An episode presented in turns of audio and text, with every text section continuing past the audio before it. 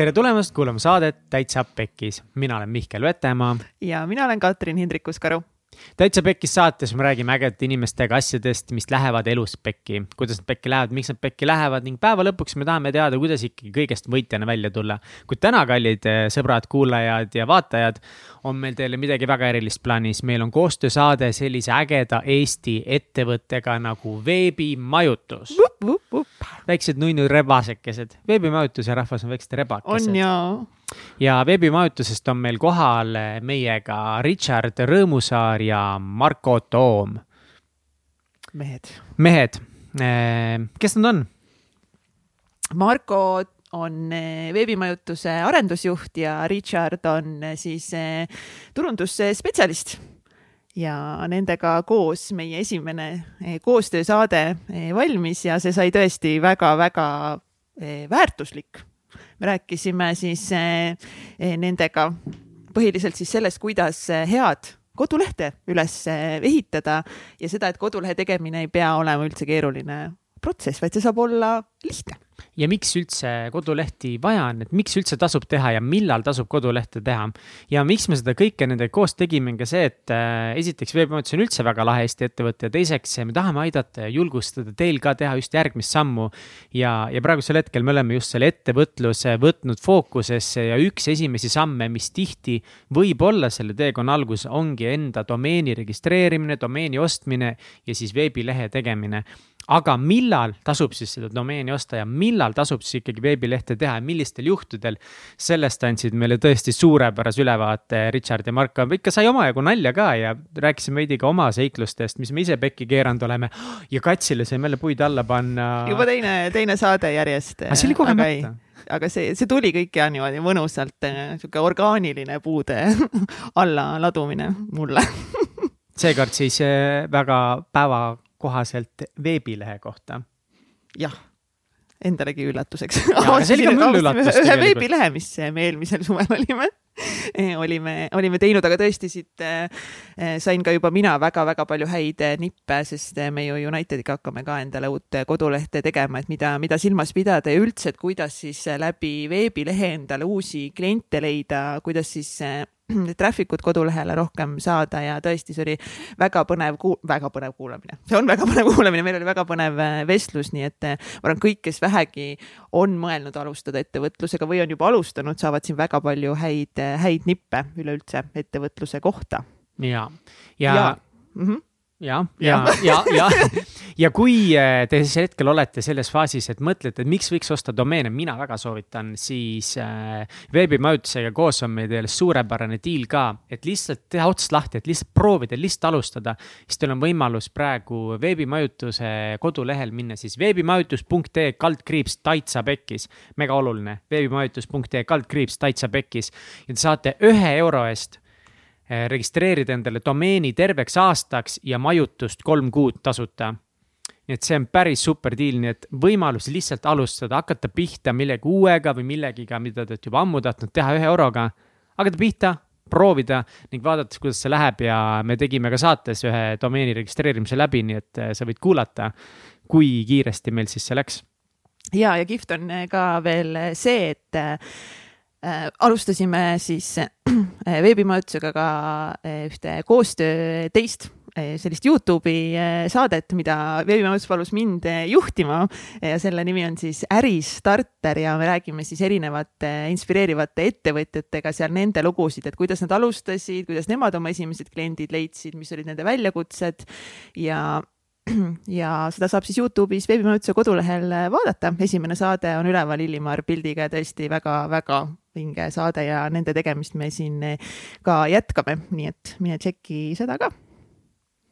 mine tšeki kõike mine tšeki kõike, nii et äh, pikema sissejuhatuseta mõnusat kuulamist ja veel kord äh, go check it out veebimõjutus.ee kaldkriips täitsa pekkis ja paneme lingid ka igale poole. ja kui see saade sind täna kuidagi mõjutab muudab sinu eh, mõtlemist kodulehtede kohta näiteks või sa saatsid jah paar head mõtet, siis jaga seda saadet kindlasti ka siis oma sõpradega ja share'i Instagrami story des ja kirjuta meile eh, mõni oma küsimus, mis sul tekkis seda saadet kuulates, kas siis seoses kodulehega või üleüldse siis ettevõtlusega, kuidas leida kliente, et me teeme ka siis varsti ühe ekstra saate koos veebimajutusega, ühe laivi tõenäoliselt, kus me vastame siis teie küsimustele, et kasutage seda võimalust kindlasti ära ja, ja selles mõttes, et mine toeta meid ka Patreonis head kuulamist. tšau, tere tulemast saatesse, Marko ja Ricardo. tere, tere tervist. okei okay,, aga ikkagi establish ime selle uuesti ära, kas sa tahad, et ma ütlen su Ricardo või Richard või Richard? no ütleme Richard siis. aga sa võid Ricardo ka ikkagist sinus on natuke seda kerget on, sellist on, eksootilisust, on küll jah. Ricky Ricardo ei, kusjuures see laul on olemas, ma ei mäleta täpselt seda esitajat, aga see laul on Spotify'st otsides leiab üles. Ricky Ricardo yeah.. Ricky Ricardo, hea küll, nii et äh, palun kõik otsige üles ning saatke meile oma kõige parem remix Ricky Ricardost ja siis äh,, mina ei tea, veebimajutust, oh, ma ei hakka ütlema, mis ta kõike teeb ja mida ta ei pruugi teha. aga mul on ülihea meel, et äh, täna sellised mehed meil siin on ja, ja me räägime täna teemadest, mis on meid endid nii äh, United Dream stuudio puhul kui Täitsa Pekkis saate puhul kui ka minu enda äpi puhul. ahaa, ka väga otsesed äh, teemakohased asjad, sõnad järjekorras veidras. et äh, tere veel kord siis tere, tere. aitäh, et kutsusite. Nii tore on siin ekspertidega ikkagist eh, vastakuti siin eh, istuda ja täna on see, ma arvan, saate meie, meie nagu Mihkli eesmärk võiks olla nagu hästi puurida teie, teie aju ja kõik need teadmised siis eh, endale alla laadida mm, -hmm. on ju. et, et kui saatejuhtide või saate kuulajatele rääkida, et millest juttu tuleb, siis äh, täna tuleb äh, sellest juttu, kuidas nii alustavad kui olemasolevad ettevõtted saaksid ennast äh, paremini internetis nähtavaks teha ja internetis uusi kliente leida. ja kliente oleks ikka vaja, ma arvan, kõigil ettevõtjatel rohkem. ja, ja näiteks, miks üldse teha kodulehti või mitte, kusjuures üli nagu sihuke pro, vaata, kus kohe nagu tõmbasid, mis täna üldse saates juttu tuleb. me tavaliselt hakkame lihtsalt nagu ladratama, aga konkreetsed mehed on vastas. Eh, konkreetsed teemadest rääkides, siis eh, üldse nagu veebilehtede tegemine ja nende vajalikkus on ehm, selles äh, sotsiaalmeedia ajastul minu meelest üliküsitav äh, vahepeal ja see on äh, teema, mis ma arvan, et väga paljud meie saate kuulajatele on hästi aktuaalne, sellepärast et üldiselt meid kuulavad nooremad inimesed ja väga paljud nendest, mitte kõik, aga väga paljud mõtlevad teha mingisugust ettevõtlust või freelance imist, meil on joogaõpetajaid, erinevaid coach'e, kes tahavad inimesi väga mingites väikestes niši asjades kuidagi koolitada või aidata ja samas meil saadet kuulavad ka kindlasti inimesed, kel juba on nagu ja. suuremad brändid ja, ja suuremad veebid. ja just nagu aru saada sellest, et millal on siis nagu veebi vaja, millal üldse neid domeene vaja on, millist veebi vaja on, on üks küsimus, mis selle ettevõtluse karjääri alguses kindlasti võib tunduda päris keeruline. ja kindlasti mõeldakse seda keerulisust üle jah, mul kohe alustuseks võib-olla üks, et kui ma, kui me alustasime kolm aastat tagasi ettevõtlusega, siis näiteks mina ei teadnud, ma sain, ma sain sellest aru, et ma pean domeeni ostma, onju. no see tundus nagu loogiline, sul peab olema mingi punkt ee, punkt kom, mis iganes, siis see peab sul olemas olema. ja siis ma ostsin ära selle, siis, siis ma olin nagu okei okay,, et mis edasi ja siis, et seda peab majutama hakkama, siis ma olin nagu mingi, mida see veel tähendab et kas siis sellest ei piisagi, et, et ma lihtsalt ostan selle domeeni nagu ära, et mis see siis äh.... ja isegi kui sul siis lõpuks server on nii-öelda olemas või veebimajutus, et siis peab kodulehe sinna ka tegema ja siis isegi kui kodulehekülg on valmis, siis pagan, mitte keegi ei käi seal ja peab mm. turundama seda hakkama. jube palju asju on jah. see juba läheb nagu, see, et aga, oota, aga räägime siis korra, et me, et mis need siis kõige esimesed sammud üldse üldse on või tegelikult alustame sellest, et mis hetkel ma peaksin üldse hakkama mõtlema siis enda kodulehe tegemise peale ja domeeni tarbimise peale. Ja ma viin veel sammu edasi, mis asi üldse on domeen? Ja domeen on siis äh, sisuliselt kas sinu või sinu ettevõtte aadress internetis, nii nagu igal majal on oma aadress, et me oleme siin praegu Tatari tänaval. et siis samamoodi näiteks veebimajutus.ee on see aadress, mille järgi meid äh, internetist äh, leiab ja see on nagu inimestele mõeldud. masinatel on sihuke pikk numbrite kombinatsioon ja võrguahelate jada, mida need masinad teevad, aga selleks, et inimesed meelde jätaksid või et neil oleks võimalik meelde jätta, siis ongi jah, see domeen kasutusel inimsõbraliku aadressina, mis on sinu veebikodu. Ja siit edasi liikudes domeeni võiks põhimõtteliselt enam-vähem kohe ära osta, kui sul juba põhimõtteliselt on mingigi selline idee või kui sul tuleb hea mingi nimeidee või asi pähe, sest tavaliselt ongi see, et või ütleme, et head domeeni nimed võivad päris kiiresti ära minna, keegi võib nüüd juba ära osta. nii et kui mingisugune hea idee tuleb pähe, siis tegelikult võiks kohe juba selle domeeni ära võtta, sa võtad, saad selle endale kätte, sa ei pea seal kohe mingit kodulehte ja kõiki asju ei pea tegema hakkama seal. aga see on sinul olemas, keegi ei saa sult seda nii-öelda ära võtta veel, kui sa nagu reaalselt maksad selle eest kogu aeg ja siis see on nagu sinu oma ja siis sa saad juba siis hiljem, kui sul oledki selle enda idee oled juba valmis mõelnud, kõik asjad on paigas, sa saad sinna juba siis kodulehe peale teha ja kõikvõimalikku muud toredat juurde panna. millise domeeni selle laiendiga või mis, kas see laiem, mis see punkt ee, punkt eu, punkt com? laiend on täiesti korrektne tipptaseme domeen, võib-olla öeldakse ka, et siis on nii-öelda nagu kohaliku maatähisega ehk siis punkt ee või punkt ru või punkt. millise ma peaksin siis tegelikult endale soetama? no tegelikult võib-olla isegi okei okay,, et äh, see sõltub nüüd sellest, et kus sa soovid äh, oma äri teha, millistele klientidele soovid välja tulla, et kui on need Eesti kliendid, siis loomulikult Eesti domeen.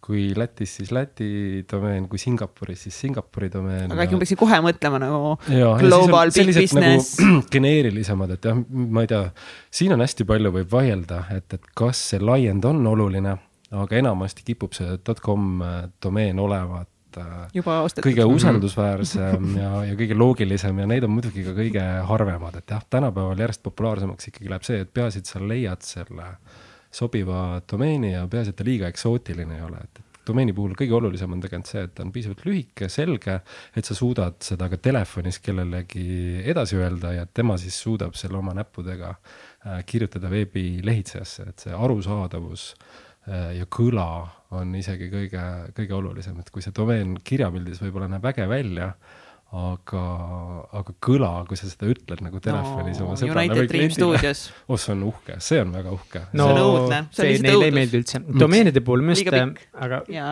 seda on ülikeeruline äh, kirjutada. mulle meeldib just see, et mis on domeeni puhul hea, et ta eristub, on ju, et, et kui see oleks lihtsalt nagu United Dream Studios tegeleb, on ju, videotöötlusega ja, ja video striimimisega, on ju, et noh no,. videoturundusega ja videoproduktsiooniga, let's get things straight nagu videoturundus ja videoproduktsioon. ahah, no vot, võib olla vabalt ka domeen videoturundus.ee, aga nii nagu meil on näiteks veebimajutus.ee äh, sellel on nii oma võlu kui valu juures. väga huvitav, see on väga huvitav teema, räägi natuke sellest. et, et äh, võlu on see, et sul on natukene lihtsam äh, SEO-s välja tulla selle üldise sõnaga, aga see on ainult natu natukene, sellepärast et SEO-s tegelikult, SEO ise siis tähendab otsingumootoris optimeerimist ja otsingumootoris ehk siis Google'is välja tulemist, kirjutad näiteks videoturundus Google'isse et mitmendal kohal sa nagu orgaaniliselt välja tuled. et natukene see domeen annab sinna eelist, aga tegelikult öö, mitte nüüd väga palju, et, et kõik see muu töö ja sisu on palju-palju olulisem seal ja isegi ka reklaamid. Ja ühel hetkel, kuhuni tahtsin jõuda, et siis see, see üldine nimetus võib saada sul väikseks piiranguks, et keegi ei erista ära, et, et see on umbes nagu, nagu poes oleks müügil piim väga selge ja arusaadav ja kasutajasõbralik, on ju. ma näen vähemalt, mis asi see on, piim. aga kui sa näiteks äh, proovid oma abikaasale või lapsele anda mingid juhised, kuule, osta seda piimpiima et siis, äh, siis nad, siis tal on nagu eri, eristuvuse probleemist ja brändingu probleemist tekib, tekivad siin probleemid. pluss veel lisaks, et äh, geneerilisi asju ei saa kaubamärgina ära kaitsta ja konkurent võib panna siis näiteks videoteenused.ee mm.. Äh, väga ammusest ajast näiteks mul üks klient oli autoklaas.ee ja konkurent tegi autoklaasid.ee või siis carglass.ee mm. ja noh, mis seal ikka, et tema see eelis kadus ära aga mul on kohe siia järgi üks küsimus üks sport, mida Egert siin viljeles vahepeal oli, et nagu, et see, et, et osta nagu need, need teised domeenid endale ära nagu noh, näiteks nagu mingi videoproduktsioon.ee ongi nagu a la mingi videoturundus, ma ei tea, lihtsalt mingi produktsioon.ee. kas see on nagu hea mõte siis need nagu suunata kõik sinna nii-öelda sellele päris lehele no üldpildis ütleme niimoodi, et see, et kui sa lihtsalt niisama ostad selle ära ja suunad selle lihtsalt edasi, siis tegelikult nagu ütleme, et seal otseselt mingisugust hullu väärtust ei ole, sest suure tõenäosusega keegi ei lihtsalt tipi sisse näiteks videoproduktsioon.ee või midagi sellist, mis iganes see domeen võiks seal olla. et siis, kui põhimõtteliselt, kui sa lihtsalt ära ostad selle ja ümber suunad enda nii-öelda peamise domeeni peale, siis sa põhimõtteliselt loodad selle peale, et keegi lihtsalt kogemata kuidagipidi trükib selle aadressi sisse ja läheb sinna.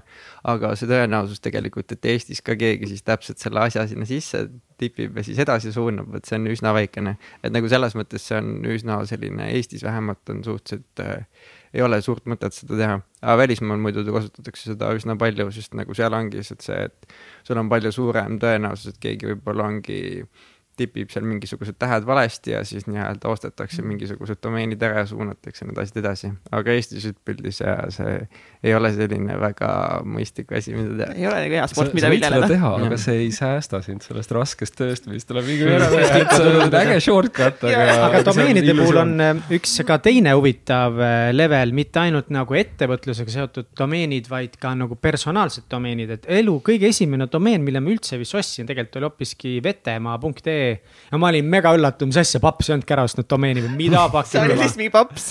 jaa, aga ülikõva, mina oman nüüd vetemaa.ee domeeni oh,. Nice. kas teie omate mingisuguseid enda nimelisi domeene? mina ei oma. mul oli kunagi, kunagi hästi ammu oli just see värk, et domeene e, e-domeene sai registreerida ainult ettevõtted või mingid organisatsioonid. ja siis oli üks domeen organisatsiooni kohta, see oli äkki kakskümmend või isegi veel varem, viisteist aastat tagasi, kujutate ette, oli sihuke olukord. ja siis mul oli enda perekonnanimega domeen toom.ee aga mul õnnestus äh, pilk peale heita ühele lühemale ja olulisemale domeenile, et ma ei viitsinud uut ettevõtet teha, siis ma andsin vabaks selle Äh, toom.ee ühele mm, nii-öelda kredibiilsele inimesele, kes, kelle perekonnanimi on ka Toom. mõtlesin, et see ei satu halbadesse kätesse ja siis ma sain endale teise, äh, teise domeeni registreerida, aga igal juhul on mõistlik vähegi, kui persooni brändi endast äh, kujundada, siis see domeen ära registreerida kõikidel poliitikutel absoluutselt, sest väga palju on seda squat imist või, või nii-öelda domeeni kaaperdamist moes just poliit, Äh, sõdades või sihukestes mängudes, kus siis äh, näiteks kunagi vist oli minu meelest Isamaaga selline case, et kus äh, Äh, Isamaa muudeti tegelikult IRL-iks, on ju, et Isamaa Res Publica Liit, aga siis isamaa.ee domeen oli, oli täitsa vaba ja minu meelest keskerakondlased ostsid selle ära ja panid mm. sinna üsnagi kompromiteerivat oh. Äh, materjali üles. Äh, ja, ja sama asi oli vist, ma eeldan näiteks Savisaarega, et savisaar.ee on ka kuulunud, kes teab kellele kunagi mm., et lihtsalt, et vältida seda et, et keegi teeb sinu nimega midagi, midagi halba et siis lihtsam on seda ise omada ja, ja, ja võib-olla nagu kasvõi suunata LinkedIni profiilile, et mm -hmm. miks mitte. tegelikult see, see on mul ka tegelikult, ma pean enda pähe tuhka pähe raputama, ei ole, ma kusjuures mõelnud tükk aega teha ka, aga lihtsalt pole kuidagipidi peale saadet lähen teen ära nice. aga kusjuures see on suht hea mõte, sest nagu ütleme, et see juba ainuüksi sellepärast on veidi parem, et ütleme, et kui sul ongi suht lühike see perekonnanimi, siis tegelikult nagu sa saad hakata igal pool, kui sa paned sinna e-posti teenuse ka peale, sa saad igal pool seda kõikidele jagada. ja seda juba ainuüksi on nii-öelda lihtsam inimestele öelda ka mitte, et öelda, et mingi, minu see e-posti aadress on mingi eesnimi punkt perekonnanimi at gmail punkt com või midagi sellist mm. -hmm. et sul on palju lihtsam seda öelda ja ongi lihtsalt see, et sa saadki siis, ma ei tea, terve suguvõsale saad sinna peale, saad kõigile endale aadressid, asjad teha. ja tegelikult ütleme, et kui sa seda nii-öelda ei taha teha, saadki enda selle nii-öelda vetemaa.ee või mis iganes aadressi saad lihtsalt suunatagi kuskile LinkedIn'i või pannagi sinna üles, et aa, et ma olen selline äge tüüp, ma ei tea, siin on mul mingi CV, ma olen mingi seda asja teinud, seda asja teinud, seda teenust pakun ja kõik muud sellist infot. seda ma peaks ühel hetkel tegema, aga ma ostsin lihtsalt selle mõttega ära, et nagu mul kuidagi ei meeldi see mõte, et keegi teine lihtsalt omab seda, võib-olla ühel päeval see on kusjuures väga hea idee, et lihtsalt suunata kuskile, sest mul ei ole praegu aega ega viitsimist sellega midagi ette hakata, aga.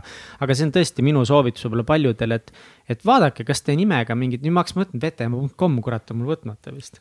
et ähm, aga kõik see kunagi tundus mulle täiega nagu keeruline üldse, et kas, kas konkreetselt domeeni enda ostmine, registreerimine, kas see on nagu keerukas ja kallis protsess? täiesti nii, ütleme, et see on nii lihtne enam-vähem, kui saab olla. võib-olla nagu mingi punkt ru ja mingisugune Venemaa domeenide osad, domeenid on veel sellised, mis nagu Äh, ütleme, et Venemaa riik ja nemad nõuavad nagu reaalselt, et sa saadaksid mingisuguseid, ma ei tea, passikoopiaid ja kõikvõimalikke muid asju, aga ma ei tea, .com, .ee, kõikvõimalikud .eu-d ja ütleme, et kõik põhimõtteliselt mingisugused sellised vabad Euroopas, igal pool Ameerika need domeenilaiendid äh,. enamus neid asju saab, ma ei tea, mõne minutiga ära registreerida põhimõtteliselt. kus, kuidas? Äh, minna lihtsalt veebimajutus.ee, sisestada siis see domeeni nimi mida soovid äh, registreerida. Proovi järgi näiteks. kast võtab..., kus on sisse kirjutatud suurelt sisesta domeeni nimi just nimelt, see on õige koht. sinna kirjutad näiteks Vetemaa ja siis ta kuvab erinevate laienditega mm., et enamasti .ee ja .com ja .eu on eespool äh, ja siis, äh, kui on kinni, siis võib teisi asju proovida. meil on tegelikult ühel teisel domeenil nimega domeen.ee on, on see üks tööriist ka, mis aitab uusi nimesid leiutada ma legit praegu just äh, regan vetemaa.com ära. vaatame, kaua seal aega läheb. Va vaatame, kaua läheb, ma olen kindel, et jah, umbes kolme, kolme minutiga. kolm sekundit tagasi ja. ma, ma läksin siis, ma teen algusest peale, niimoodi äh, panen vetemaa.ee, siis siin on see suurelt ah,, ma kirjutan lihtsalt vetemaa siia, sisestame nii, ma kirjutasin vetemaa kasti sisse. kolm, kaks, üks, niimoodi, nüüd laadis ära, ütleb mulle populaarsed vetemaa.ee võetud, ahah, jess vetemaa.eu, vetemaa.com, .net, .org, kõik on vabad, jesus christ, jess. ruttu, osta kõrvi. nüüd siin on äh, kohe supp lisatellimusse. mis, mis ta näitas sul seda, seda domeeni saab siis aastaks osta, on ju? Nii, registreerime aasta. kaheksa, seitsekümmend viis. registreerida jah, ja enam väärtuslikumate domeenide puhul tasubki pigem nagu kolmeks, viieks või kümneks aastaks ära mm., et siis ei pea selle pikendamisega nagu Just. muretsema yeah.. ütleme, kui sul on peamine äridomeen ka ja siis näiteks ütleme, võib-olla sul lähebki mingi, ma ei tea, oled kuskil puhkusereisil ja sa iga aasta maksad seda kogu fun, aeg. Fun fact äh,, mina äh, mingi transformatsiooniseminari äh, korraldamise äh, piletite müügi launch'i äh, eelõhtul. Äh, siis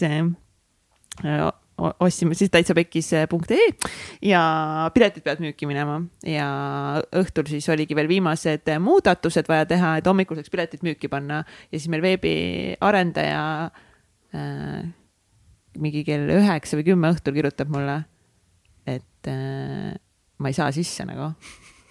ma olin nagu mingi, mis mõttes, et nagu päriselt, et kas sul nagu domeen on, on olemas ja mul oligi nagu aegunud see, et ma ei olnud pikendanud seda, see oli kuidagi läinud nagu minust mööda ilmselgelt, sest ma ei kontrolli oma võib-olla neid meile mm. niimoodi. et kuidagi jäi kahe silma vahele, aga noh, õnneks me saime selle kiiresti korda, et äh, reageeriti, aga lihtsalt see oligi nagu nii reaalne, et see taastaks võtmine ja, ja just täpselt sellel hetkel nii kaua läks aega. kaua aega läks? ma nüüd ei võtnud aega, aga, aga ma võin öelda, et selle aja jooksul ka ma registreerisin kontod veebikeskkonnas, sest mul veebimõttes enne legit kontot polnud. Mm, suurepärane. ja, sest vete.ee ei ole veebimajutuses see on Hostingeris ah,. aga sa saad äh, vetemaa.ee ka kusjuures tasuta kolimisabiga meie juurde äh, kolida, et me teeme selle kolimise sinu eest ära. ja isegi kui sul oleks näiteks koduleht või e-posti kontod seal, siis need kontod me koliksime ka tasuta. see on niisugune väikene buss, mis sõidab sul sinna maja ette ja siuksed väiksed rebasekesed tulevad sealt välja ja võtavad selle domeeni endale selja peale. Nad võtavad selle domeeni kätte ja kolivad selle ilusti. maksis kaheksa seitsekümmend viis ai eh, koos käibekaga kümme, viiskümmend aastaks ajaks praegu. ja selles mõttes ma ei võtnud ühtegi mingit eh, praegu mingit serverit, mitte midagi. ja täpselt nii ma tegin vete.ee-ga, sest ma ei tahtnud midagi sinna juurde ja ma lihtsalt tahtsin, see minu oma on.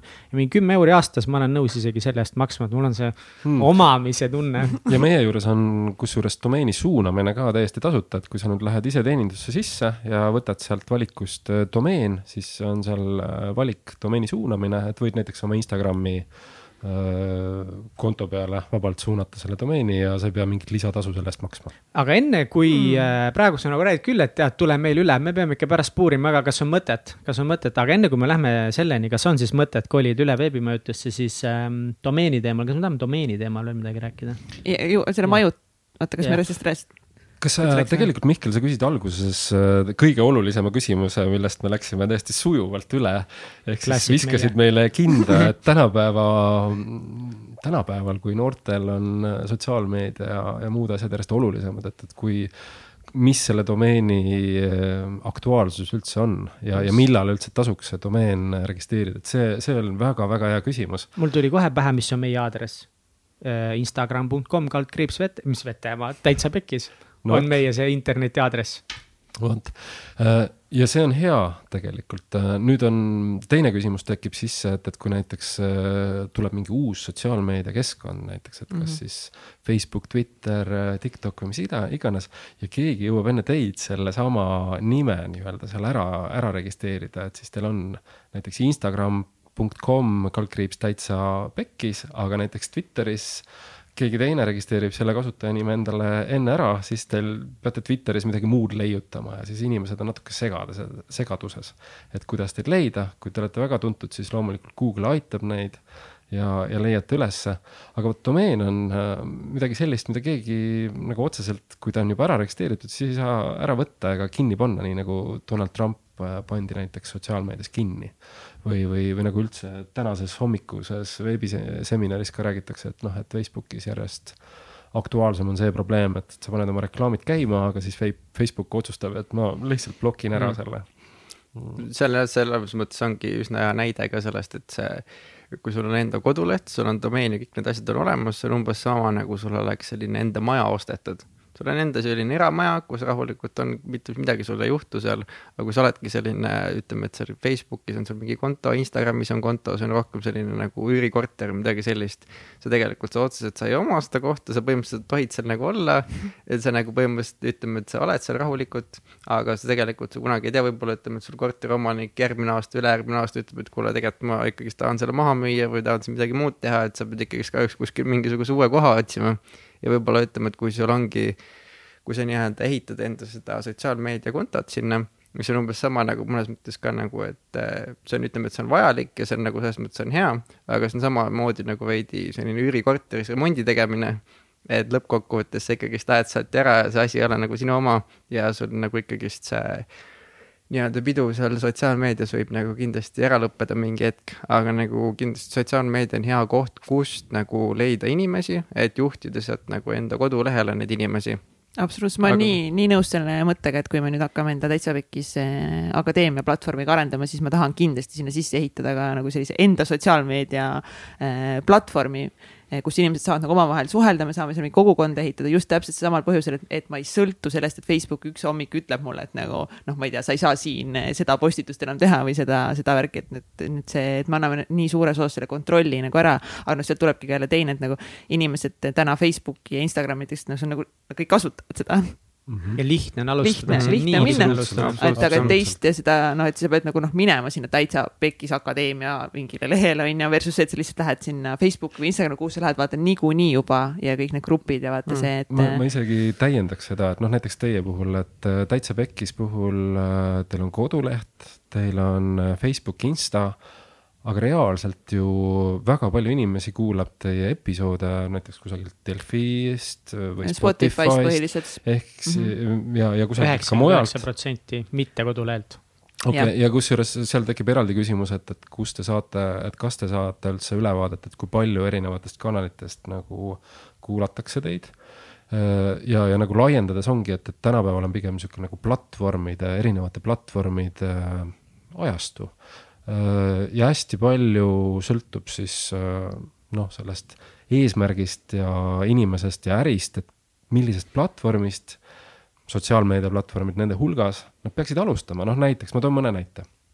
et, et kui sul on äh, äge mõte, et teeks oma söögikoha Tallinnasse, noh, Covid, asjad on kinni, et, et tasuks teha mingi nii-öelda griljaköök kus äh, ei pea nagu kallist rendipinda maksma. Ja siis tegelikult ainukesed kohad, kus sa saad ju müüa, on ju Bolt ja Wolt platvormid ja tasuks siis nagu seal optimeerida. Või, või siis jälle need restoranid, kes soovivad, et alla tuleksid turistid kohale, siis hoopis TripAdvisoris või, või, või kusagil Like Local Guide'is või kusagil mujal. Uh, on, et, et, et need platvormid on järjest-järjest olulisemad, aga mm, nii nagu iga asja puhul tegelikult, et see, kes tuleb rohkem välja, pingutab veidi rohkem ja see oma domeen ja oma kodulehekülg on lihtsalt üks võimalus, kuidas sa saad nagu rohkem äh, pingutada, teha paar ekstra sammu ja sa oled natukene usaldusväärsem kui, kui konkurent. võib-olla natuke rohkem tuled Google'is välja, võib-olla natuke rohkem sünergiat saad, kui need erinevad sotsiaalmeediakontod ja platvormid on, on äh, kokku läinud aga alustada võib täitsa vabalt kusagil osta ees, paned äh, oma esimese toote müüki ja sa ei pea mitte midagi tegema. selles mõttes, et paned, maksad viis euri selle osta e avalehe peal ja tuhanded inimesed näevad seda või, või tahad autot müüa, paned auto kahekümne nelja. et neid platvorme on praktiliselt iga asja jaoks, käsitööd saab Etsis, Etsis müüa. eestlastel on tehtud sihuke tore koht nimega Jaga mm. -hmm. ja, ja need platvormid järjest popivad, iga asja jaoks on oma platvorm see toidu näide on väga hea, ma nüüd tahaks midagi ütelda, et just toidu, ma just hakkasin mõtlema, et kui ma tahan kiirtoitu süüa reede õhtul, siis ma lähen Bolti ja Bolti. kui ma lähen eh, Jeniga date'ile, siis ma lähen kogu aeg nende restoranide kodulehele, ma otsin mingit kuskilt mingist ilusa restorani kodulehel, vaatan menüüd ja ma alan kodulehele siis. aga mis sa hakkasid ütlema, Harri? Mul läks vist meelest, ei, ma tahtsin öelda seda, et see üks asi, mis ka tegelikult kodulehega on täiesti erinev võrreldes nagu sotsiaalmeedia ja keskkonna mingi muu asjaga, ongi see, et sa saad kodulehte nagu niivõrd palju omanäolisemaks teha. sul ikkagist, kui sul on see Facebooki leht, siis sul ongi, sul on nagu mingisugused raamid on seal ees, okei okay,, sa saad enda kaanepildid ja mingid profiilipildid ja mingid muud asjad saad nagu ära vahetada. aga sa ei saa teha näiteks niimoodi, et ma ei tea sul kuskil vahepeal keskel tuleb jälle mingi profiilipilt või mingisugust muud asja. aga kui sul ongi koduleht, siis sul on valida nagu nii paljude erinevate kujunduste, saad kõiki värve, kõiki asju saad muuta, sa saad teha põhimõtteliselt ükskõik, mis sul vähegi pähe tuleb või nagu, mis sul lihtsalt mõttes on ja siis see ongi nagu selles mõttes täiesti erinev võrreldes sellega, et sotsiaalmeedias on kõigil on põhimõtteliselt nagu, kes see sisu on natukene erinev kõikidel kontodel, aga üldpildis need kõik kontod ikkagist nagu, seal on mingisugune raamistik, kuidas nad nagu välja näevad ja nagu sa ei saa seda konto raamistikku siis nii-öelda enda Facebooki lehel muuta? mina natuke isegi vaidleksin vastu, et, et see omanäolisus on ühelt poolt lahe, aga teisipidi maailm muutub nagu järjest rohkem standardiseeritumaks ja, ja noh, Google näiteks, kui sa otsid äh, näiteks Mozartit või, või isegi valuutakurssi või lendu Tallinnast äh, kuhu iganes, siis Google on nii nutikas, et ta kuvab juba otsingu tulemustes väga ilusasti ära või aktsia hinda kohe enda otsingu tulemustes ja, ja mõnes mõttes me isegi eeldame ja, ja Google Business, Google My Business on üks niisugune hästi oluline mm, koht internetis, kus olla, kus praktiliselt iga äri võiks rohkem panustada, et tohutult äh, alakasutatud on. Ja, ja näiteks restorani, restoranide puhul tihtipeale see use case ongi, et sa paned äh, restoran Google'isse ja Google näitab siis kaardi peal sulle neid restorane, kes on kõige lähedamal ja näitab neid äh, hindeid, mis siis külastajad on sinna pannud ja sa saad juba nende review'de põhjal mingisuguse hinnangu äh, või eesmärgi äh, kujundada, et kuhu sa siis lähed või mida sa proovid. ja tihtipeale sa ei hakkagi isegi nende sotsiaalmeediasse minema ega nende kodulehele või ainult siis, kui mingi väga spetsiifilisem vajadus on. ja sealt võib-olla isegi samm edasi ma kujutan ette, et noh, vahet ei ole, kas see on aasta pärast või viie aasta pärast või kümne aasta pärast, siis äh, tegelikult äh, me ei kasuta enam ekraani, vaid ütleme oma Siirile või Cortanale või, või kellele iganes assistendile, et kuule, vaata mulle, mis Jenny lemmiktoit äh, sellisel ja sellisel tähtpäeval võiks olla ja mulle ka äge ja kui me oleme õpetanud oma isiklikku assistenti ja ta näiteks teab, et oh, meile meeldib mingi veiseliha, medium ja, ja, ja, ja kõrvale natuke mingit taime twisti ja, ja mingid ägedad džinni äh, kokteilid või siis vastupidi, käsitööõlled või hoopis veinid. et tegelikult see meie assistent tunneb meid nii hästi, tal on nii palju andmeid, siis äh, see assistent ise võiks nagu kodulehtedega teha need äh, päringud ära ja vaadata ise minu järgi, mulle nagu, et mis minu jaoks kõige rohkem nagu match ib ja siis äh, lasta võib-olla valida mingi kahe-kolme valiku puhul, et, et kindlasti on see platvormidega ka võimalik, aga ma kuidagi nagu loodan mm., et elu tüürib sinna suunas, et, et on mingi avatud standard selles osas, mida on kõige lihtsam võib-olla enda kodulehel aga mis siis, siis on nagu need sammud, et üks on see, et nüüd, kui me domeeni nagu saame aru, et tegelikult suht lihtne oli registreerida, nagu ma just tõestasin mm, -hmm. mis oli üli ad hoc mõte nagu ausõna. siis äh, koduleht on nagu lahe nagu jõuda, aga mis asjad on need veebimajutused või hosting ud ja siis, kui ma hakkan domeeni registreerima, siis pakutakse seal igasuguseid mingisuguseid serveri haldusi ja need on nii palju sõnasid. Need võivad olla ülikeerukana tunduda, sest võib-olla see domeeni nagu ära registreerimine, okei okay, ei olegi nii keeruline, tundub lihtne, kõik see, mis pärast seda tuleb. mulle tundub, et nüüd hakkas keerukus kohe eksponentsiaalselt kasvama tegelikult ei ole asi üldse nii keeruline. no palun. et ongi põhimõtteliselt veebi, veebimajutus siis ise iseenesest ongi siis selline kodulehe poolelt vähemalt on siis selline koht, kus siis ongi nagu, see on nagu server, kus on siis kõikvõimalikud sinu pildid, kodulehe tekstid, kõikvõimalik see kodulehe nagu info, need kodulehe failid on lihtsalt kuskilt siis nii-öelda serverist on kättesaadavalt nendele inimestele, kes siis sinu kodulehele tulevad. siis, kui sul ongi meie juures on näiteks teenus, et siis meie nii-öelda edastame sinu need kodulehe failid nendele sinu kodulehe külastajatele kui keegi tuleb su kodulehe külastada, siis ta näeb nagu sinu kodulehte. Äh, siis tänu sellele, et sul ongi siis veebimajutus on see teenus ja sinu koduleht on nagu veebimajutus on nagu ära majutatud. ja siis e-postiga täpselt samamoodi, et sul on ikkagist selle jaoks, et enda selle domeenid siis enda aadressiga saata nagu neid email'e välja. sul on ikkagist vaja ka siis nagu serverit või seda teenust, mille kaudu siis nagu neid email'e saadetakse ja vastu võetakse. et see on siis nii-öelda lühidalt selle kogu mõtte teenusel osad inimesed kindlasti selle peale küsivad, et aga miks ma ei või näiteks Dropboxi oma kodulehe pildid ja failid panna ja inimesed pääsevad ju sinna ka ligi ja ega see ka otseselt vale ei ole näiteks, et kui sa tahad mingisuguseid videosid või teid asju panna. aga et noh, miks, miks nüüd nii-öelda see päris server on, on nagu parem, et on pigem äh, just arhitektuuriliselt mõeldudki, et paljud, palju inimesi samaaegselt saaksid külastada.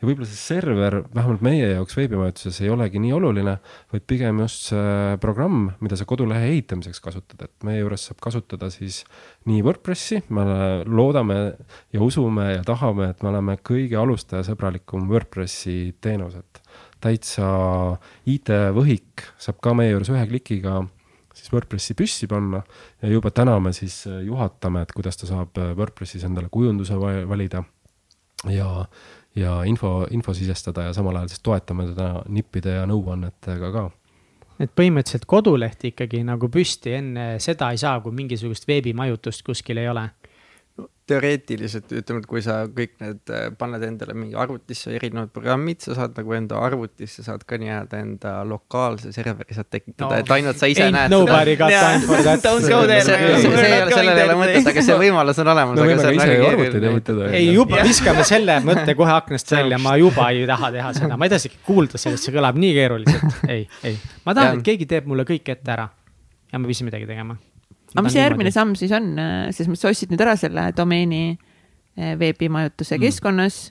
Eh, nüüd sul on see vetemaa.com ka olemas ja nüüd ongi, et okei okay,, et aga mul on juba mingi nokamüts on ju, mis ma müüa tahaks, et kuidas ma nüüd saaks seda hakata edasi tegema siis hästi palju sõltubki nüüd sellest eesmärgist, kui sa tõid konkreetselt selle nokamütsi näite, on ju, ma, ma endiselt olen lihtsam arvamusel, et kõige lihtsam on see nokamüts panna osta eesse või Amazoni võib-olla ja, ja kuna seal on äh, platvormi poolt kõik maksevahendid ja, ja liiklusasjad nagu ära tehtud, et võib-olla see esimene nokamüts on seal kõige lihtsam maha müüa. aga eks nemad küsivad ka oma teenustasu ja, ja ühel hetkel on seal konkurents, et, et kui jälle tahta minna kaugemale. ja tahaks nagu presenteerida ilusasti enda nagu erinevat äh, värvi on siin Vetemaal mustad, valged. siis on nagu kaks küsimust, et, et äh, hästi suur otsus on vaja teha, et, et kas sa oled nagu rohkem sihuke isetegija ja tahad ise hakkama saada või siis tuleb nagu täitsa ausalt endale peeglis otsa vaadata ja ka kalendrile ja oskustele, et, et kas sa suudad ise selle valmis teha ja kas on nagu soovi õppida ja lugeda, mis ei ole väga keeruline, aga see võtab aega või siis tellida kusagilt äh, veebiagentuurist äh, või freelancer'ist ja seal odavamad hinnad hakkavad juba kusagil viiesaja tuhande või viiesaja kuni tuhande euroga. vabalt võib viiesaja tuhandeni ka minna, mingid suuremad infosüsteemid ja no, lage, lage, lage ei ole ees. aga kui me aga... oleme ausad nagu alustaval ettevõtjal, siis äh, alguses ikka proovitakse enamus proovivad seda ikkagist ise nagu ära teha. et kas see on nagu täna näiteks minu jaoks tehtud nii lihtsalt, okei okay,, kui ma olen täna nõus pigem panustama enda aega natuke mm -hmm. rohkem versus see, et ma paneksin näiteks ongi viissada tuhat eurot, mis võib tunduda alustavale ettevõtjale väga suur summa täna on ju. viissada eurot? ja ja et panna nagu mm -hmm. kodulehe alla. et kas, kas ma saan selle nagu püsti panna nii, et ma panustan sinna täna ainult enda aega? Äh, no kui sa enda aega panustad, siis põhimõtteliselt noh, võib isegi öelda, et see põhiline investeering on äh, alguses domeen. näiteks, et kui kasutada mõnda promokoodi, mida võib-olla Richard pärastpoole ütleb, siis me pärastpoole me ütlesime ka..., ma arvan, saate alguses selle ka juba. no vot siis, siis juba sellega saab. veebimajutus.ee kaldkriips Taitsa pekkis. mitu kuud tasuta teenust sellega saab siis? seda peab minema ja vaatama järgi, seda Aha. näeb juba sealt lehelt kui sa sinna lehele no igal juhul väga magus stiil on, et, et teile täitsa..., sõbrad, ärge muretsege, ma ütlen teile kohe ära, palju siit saab anname täitsa pekkis podcast'iga kolm kuud majutusteenust ja .ee domeeni aastaks ühe euro eest. noh no., ma lihtsalt juba ütlesin, noh. okei okay,, siis no. sinu eelarve peaks, peaksid leidma kusagilt ühe euro. noh ja, ja, selle ja ma siis... usun, et ma leian. nii, ja nii nagu Mihkel näitas ka, kuskil kolme minutiga on see domeen registreeritud, siis järgmine suur otsus on see, et, et sa peaksid nagu otsustama, et kas WordPress või Voog ja meie juures on mõlemad olemas ja vabalt võid ka niimoodi, et sa, kuna sa esimene kolm kuud saad tasuta, et sa proovid mõlemat, et äh, näiteks võtad tee ise veebpaketi meie juurest, kus siis on Voog olemas ja samal ajal, kui sul on see Voogi äh, veebiehitustööriist, saad sa proovida ka WordPressi. juba keeruline, juba keeruline okay., vaja üks valik nagu teha Eh, selles mõttes ära, et ma, nagu mina ei jõuaks elu sees hakata kahte erinevat proovima. ütleme siis niimoodi, et kui sa tegelikult, kui sa tahad nagu reaalselt mingit nokamütsi müüma hakata, siis on mõistlik võtta see voopakett ehk siis see teise veeb, seal on tõesti nagu ütleme, et sul ongi, sa teed seal enda kas maksekeskuse või mõne muu sellise, kas näiteks lähed enda panga juurde, Swedbanka või kuhugi ja siis teedki endale nii-öelda selle pangalingi või selle makselahenduse, mille kaudu, mille sa saad siis pannagi enda sinna voolehele sisse ja tegelikult seal on ka üsna lihtne, meil on isegi olemas veebimajandusel on Youtube'is ka olemas, ma ise tegin valmis video, kus ma ka vist põhimõtteliselt, mul läks mingi kolmkümmend minutit aega, ma tegin põhimõtteliselt algusest lõpuni tegin valmis nagu otsevideos. kus see video on? Äh, veebimajanduse Youtube'i kanalil. Youtube'i, Youtube'i kanalist. ma arvan okay., me saame kuskile lõppkokkuvõttes lingi või midagi panna. kindlasti paneme, aga ma mõtlen, et sina teed kolmekümne minutiga nagu sa oled sellest valdkonnast pärit, sa oled äh, musta T-särgiga, arendaja näoga poiss.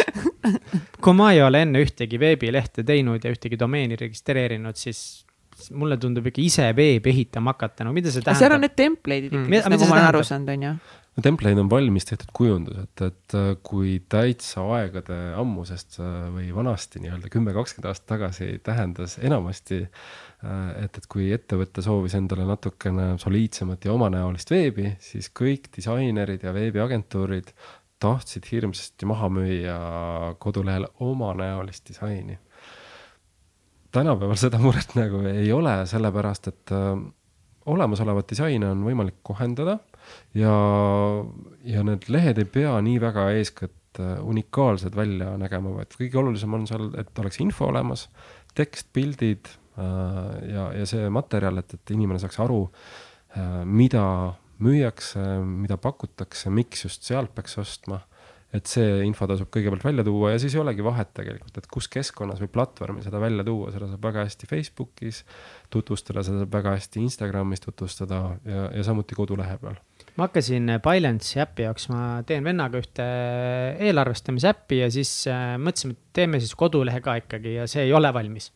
aga äh, mis ma tegin, oligi see, et kui ma sain lõpuks selle domeeni või domeeni saame ammu ostetud. ja siis midagi oligi tore nagu, et ma sain domeeni ammu ostetud ja lõpuks, kui mul tuju tuli hakata seda veebi tegema, siis ma võtsin juurde selle veebimajutuse ja, ja seal samamoodi see keskkond, kus ma tegema hakkasin, täpselt nagu siis äh, veebimajutuses et seal oli sama, et kasuta nüüd WordPressi. ja ma olin nagu juba mures natuke, sest kurat, see ikkagi tundus nagu keeruline, et nagu ma tahtsin lasta, mu vend on arendaja ma, ja ta on disainer ka, et nagu disaini ise midagi ja lihtsalt kirjuta see selles koodis valmis, sest ta oskab teha niimoodi, et ta pikk rida koodi ja mingi veebleht tuleb lahti, aga seda muuta mitte keegi teine maailmas ei oska kui tema. ja siis äh, ma proovisin ikkagi ja WordPressis samamoodi, kui ma WordPressi nagu avasin sealt eh, sellest keskkonnast eh, ja ma arvan, et veebimooduses ka, siis seal suhteliselt kiiresti ma leidsin kuskilt ülesse mingi nupu, kus oligi templates või mingi.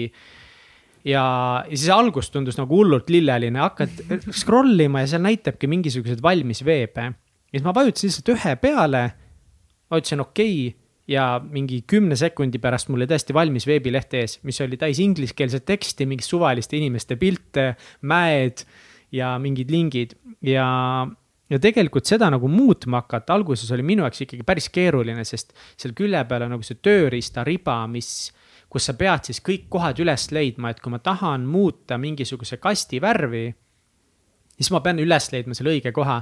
Ja, ja hetkeks ma ehmusin jumal ära siis mul on veebileht ees ja ma ei oska mitte midagi selle peale hakata. ja ma panin ausalt ikka mingi kaks tundi sinna alla, nii et ma ei saanud mitte midagi aru, aga kahe tunni möödudes järsku ma nagu täiega hakkasin aru saama sellest baasloogikast. nii et noh, minu silmis, nüüd te saategi nüüd jagada, mis on teie kogemus ja minu silmis, mul oli see mingi kahetunnine sisseelamisaeg et ma hakkasin asju liigutama, kui ma liigutama hakkasin, siis sealt läks päris kiiresti ma arvan, see on juba päris, äh, päris hea tulemus, kui sa kahe tunniga said äh, ülevaate. Äh, pigem ma ütleksin, et WordPress on rohkem nagu edasijõudnutele, voog on kordades-kordades lihtsam alustajatele, voo, aga lihtsalt voogi puhul tuleb ühel hetkel nagu see võimaluste piiratus ette, et, et kui on soov midagi võimsamat, omanäolisemat või spetsiifiliste pluginatega spetsiifiliste kujundustega teha, et siis WordPressis on palju suurem valik, aga kui on rohkem valikuid, siis ka keerukus loomulikult on suurem ma, ma ütleks pigem siia juurde seda, et minu meelest küll WordPressiga ütleme, et kodulehe tegemine, vähemalt meil veebimajandus on ikka, ütleme, me oleme selle proovinud nii lihtsaks teha, kui vähegi saab, et nagu täiesti, kui ütleme, et keegi inimene tänavalt tuleb, hakkab tegema, siis enamasti tegelikult inimesed saavad ikkagist üsna kiiresti kõigest sellest aru. sest ongi see, et meil on need valmiskujundused täpselt samamoodi nagu sa eelnevalt ka juba rääkisid et meil on selline vii-, üle seitsmekümne vist on neid valmiskujundusi, need ongi nagu erinevatele ettevõtetele põhimõtteliselt nagu ongi vist, ma ei tea, toruluukseppadele, autoremondi töökodadele, sa saad sealt nende kujunduste seast saad välja valida, et milline ettevõte sul nüüd täpsemalt on. vajutad lihtsalt okay. nuppu, et ma tõmbangi selle endale selle kodulehele selle sisu sisse sinna ja siis sul ongi olemas, sa ei hakka nagu tühjalt lehelt ei hakka vaata seda leht tegema. sul ongi niimoodi, et sul on näiteks avalehel on seal mingisugune kast või mingi tekst vajutades sinna teksti peale rahulikult ja lihtsalt hakkadki sinnasamma teksti sisse hakkad kirjutama. meil on selline visuaalne, see kodulehe muutmise selline programm siis seal peal. sa pead Elementarit ja Astrat äh, silmas siis, mis meie puhul nagu selle WordPressi paigaldusega. vana ja Elementar, me kõik teame noh. Element, ütleme, et Elementariga tegelikult see WordPress nagu ütleme, et selle kodulehe tegemine nagu seal sees ei ole tegelikult ütleme üldse nii väga keeruline, seal kindlasti on nagu mingisugune õpikurv on nagu absoluutselt kõikide asjadega, et kui me läheme täna välja, me pole kordagi, ma ei tea, rulluiskudega sõitnud, siis me kohe-kohe alguses ei hakka sõitma kuskil kuuskümmend kilomeetrit tunnis nendega. meil läheb natukene ikkagist läheb alguses aega, täpselt samamoodi on selle WordPress kodulehe tegemisega. aga nagu ütleme, et see ei ole kindlasti midagi nii väga keerulist. lahe on see, et teil on nagu teemad, et see on päris kihvt, et ma saan nagu selle kodulehe mingisuguse stiili juba vastavalt sellele sellele, millega ma siis võib-olla tegeleda tahan. aga sa oled täna mitu korda nagu öelnud, et teil WordPressiga mis nagu vahe on lihtsalt kasutades WordPressi või kasutada WordPressi läbi veebimajutuse, ma ei saa sellest. meil ongi see, et meil on sinna nagu enda mingisugust igasugust tarkust ja asju on nagu juurde lisatud, erinev, me oleme välja valinud nagu enda meeskonnas nagu WordPressi spetsialistidega erinevad sellised WordPressi need pluginad või moodulid Äh, mis siis nagu nii-öelda võiksid aidata seda kodulehe tegemist nagu lihtsamaks teha või kas teha natuke seda kodulehte turvalisemaks või lihtsalt nagu üleüldist seda kodulehe loomise, haldamise ja kodulehe hoidmise seda protsessi kuidagi teha paremaks kliendi jaoks. et ütleme, et teistel võib-olla ongi niimoodi, et neil ei ole nii-öelda kogu seda tarkust ja asja ei ole veel nagu taga, aga meil on kõik see olemas ja siis meil ongi nagu, me oleme panustanud sinna, et meie juures see kogemus oleks nagu kliendi jaoks võimalikult hea ja lihtne jah, mul tuli nüüd eh, lambist meelde see, kui me eelmine suvi olime meil onu juures eh, Säknas ja siis eh, neil on sihuke rehe, rehehoone ja nad tahavad, tahtsid siis seda hakata proovima, et nagu teeks, registreeriks domeeni ära. ja siis oli esimest korda, kui me ostsime siis domeeni ka läbi siis veebimajutuse. Ja see oli tõesti üli, ülilihtne ja mul tuli nagu nüüd, nüüd praegu meelde see, et me hakkasime ka kodulehte tookord tegema. Ja no see on täiesti meelde läinud, sest see nagu projekt ei ole, ei ole siin, see koduleht vaata väga edasi arenenud siin on ju. Eerik, kui sa kuuled, sa saad siis, mis värk on. Ja ma vaatan, et äh, nagu see sai tehtud, ma arvan, kindlasti mingi poole päevaga meil, arvestades mingi pildid siia üles laetud, et ongi lihtsalt äh,, lähete näiteks noh, jälle reklaam on ju, rehehoov.ee äh,, pealeht siinkohal, tere tulemast, näed ära, mis kohaga tegemist on, on ju. siis ongi siin all kirjeldus veel pildiga, mis on rehehoov Lähed allapoole kohe eh, need kliendi need tagasisided koos piltidega.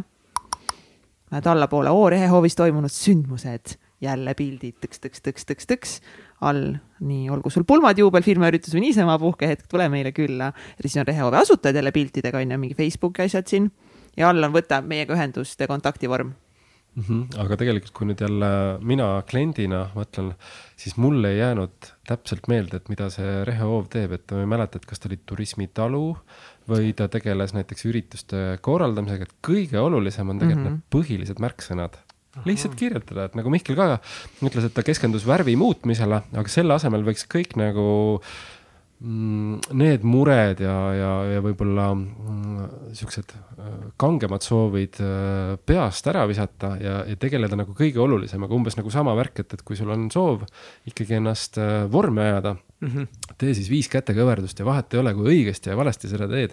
et sa ei pea nagu mõtlema seda tehnikat, et no ma nüüd kaks päeva õpin seda tehnikat, et kuidas ma teen need kätekõverdused perfektselt ära, et keegi nagu ei et ma ei häbeneks seda, et, et äh, ja samamoodi, et, et need igasugused värvid, tekstistiilid, kõik on juba eelnevalt äh, nende templiitide poolt või valmis kujunduste poolt seal paika pandud. ja kõige olulisem oleks ära tuua tegelikult näiteks, et kus kohas see turismitalu asub, näiteks, et turismitalu Saaremaal ja mm. Võiks... ja et me võib-olla isegi tuua, et meil on vabu, vabu koht, tere tulemast, täiesti mõttetu asi on ju. et turismitalu Saaremaal. ma räägin, meil legit ei ole selle kodulehega tegelenud pärast seda. ei, see on väga hea, I m loving it, pane nii räigelt puid alla, kui suudad ma,. mahutab sada viiskümmend inimest mm. ja meie juures on väga mõnus korraldada pulmi, äh, firma üritusi, matuseid, mida iganes ja meil on omalt poolt veel õhtujuht, tehnika, catering pakkuda uh,. ma tahan ka kritiseerida, nüüd kui ma vaatan, mis on Rehoov, nii pikk tekst juba juba ei viitsi lugeda?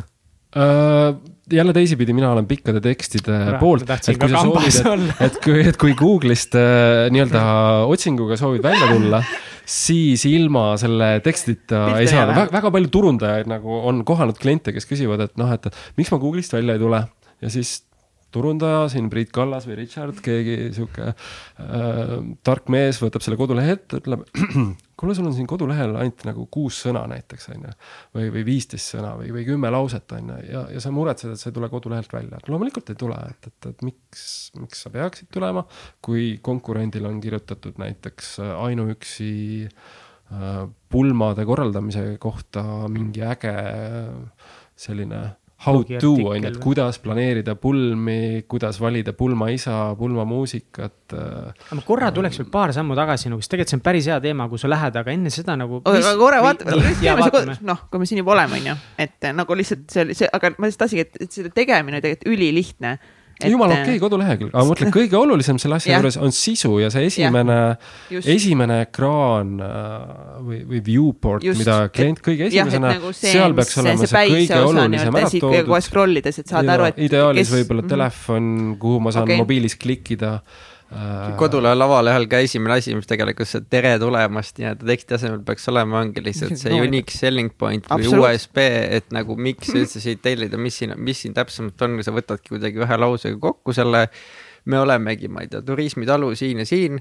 Äh, meie teeme pulma, pulmi, kõikvõimalikke asju, meil saab kõik asjad saada ühest kohast või nagu kuidagi võtta see, lihtsalt see unikaalsus ja see teenus lihtsalt kuidagi nagu väga selgelt nagu ühe või kahe lausega kokku ja lihtsalt pannagi sinna üles ja see ütleb palju rohkem inimesele, sest kui sa tuledki lehele, näebki tere tulemast, siis ütleb, et noh tere et aga mis siis, et aga ta tahabki kohe saada kätte seda, sest tegelikult kui inimene tuleb su kodulehele, ta tegelikult otsustabki seal, ma ei tea, viie sekundiga või niimoodi ära, et kas ta üldse saab seda asja sealt või ta ei saa. ja kui ta otsustab, et ta ei saa ja kui ta vaatab, et sul avalehel on kohe see tere tulemast, siis ta lihtsalt ongi, läheb kiirelt X-ist, X-ist kinni, nägemist. kõige parem, mida näiteks selle turismitalu puhul teha saab ja oletame, et tema sihtgrupp on näiteks ettevõtted. siis Rehe Hoo soovitan kõigile, Facebook on, on meil parem, see on lihtsalt see, kus meie Egertiga abiellusime, see on minu pere ettevõte, selles mõttes okay. saate minna no,, minna tšekkama. see ei tähenda, kui nende eesmärk oleks nüüd firmapidude korraldamine, siis kõige parem asi ja kõige nutikam asi, mida saaks teha, oleks helistada läbi kuskil kümme ettevõtte sihukese keskmise ettevõtte personalijuhti. ja, ja esiteks anda ennast märku, et kuule, et meil on sihuke äge koht, kas sa oled kaalunud äh, Rehe turismitalu eh,. Säkna rehehoov. Säkna, liiga keeruline nimi tuleb välja. ja teine asi on siis äh, küsida, et, et kui sa neid üritusi siin kaks korda aastas, iga personalijuht ju kaks korda või, või, või igas ettevõttes on, äh, on selline tegelinski, kes siis neid üritusi äh, orgunnib, et tavaliselt tal on mingisugune rutiin välja kujunenud, et kuidas ta teeb ja see on tema jaoks noh, enamasti on sihuke nagu koorem või, või tüli on ju, ja, ja siis võib küsida, et mida sa Google'isse siis tipid või mille järgi sa otsid, kus sa soovitusi küsid küsida, on ju, ja just selle järgi tasub nagu disainida see, see teekond, et, et kui sa näiteks neli inimest, neli personalijuhti ütlevad, et tead, mina teen ainult mingi Äripäeva restoranide topi osas äh, valikuid või, või siis, et, et mina, ma valin ainult uusi kohti, mis on ainult sellel aastal avatud.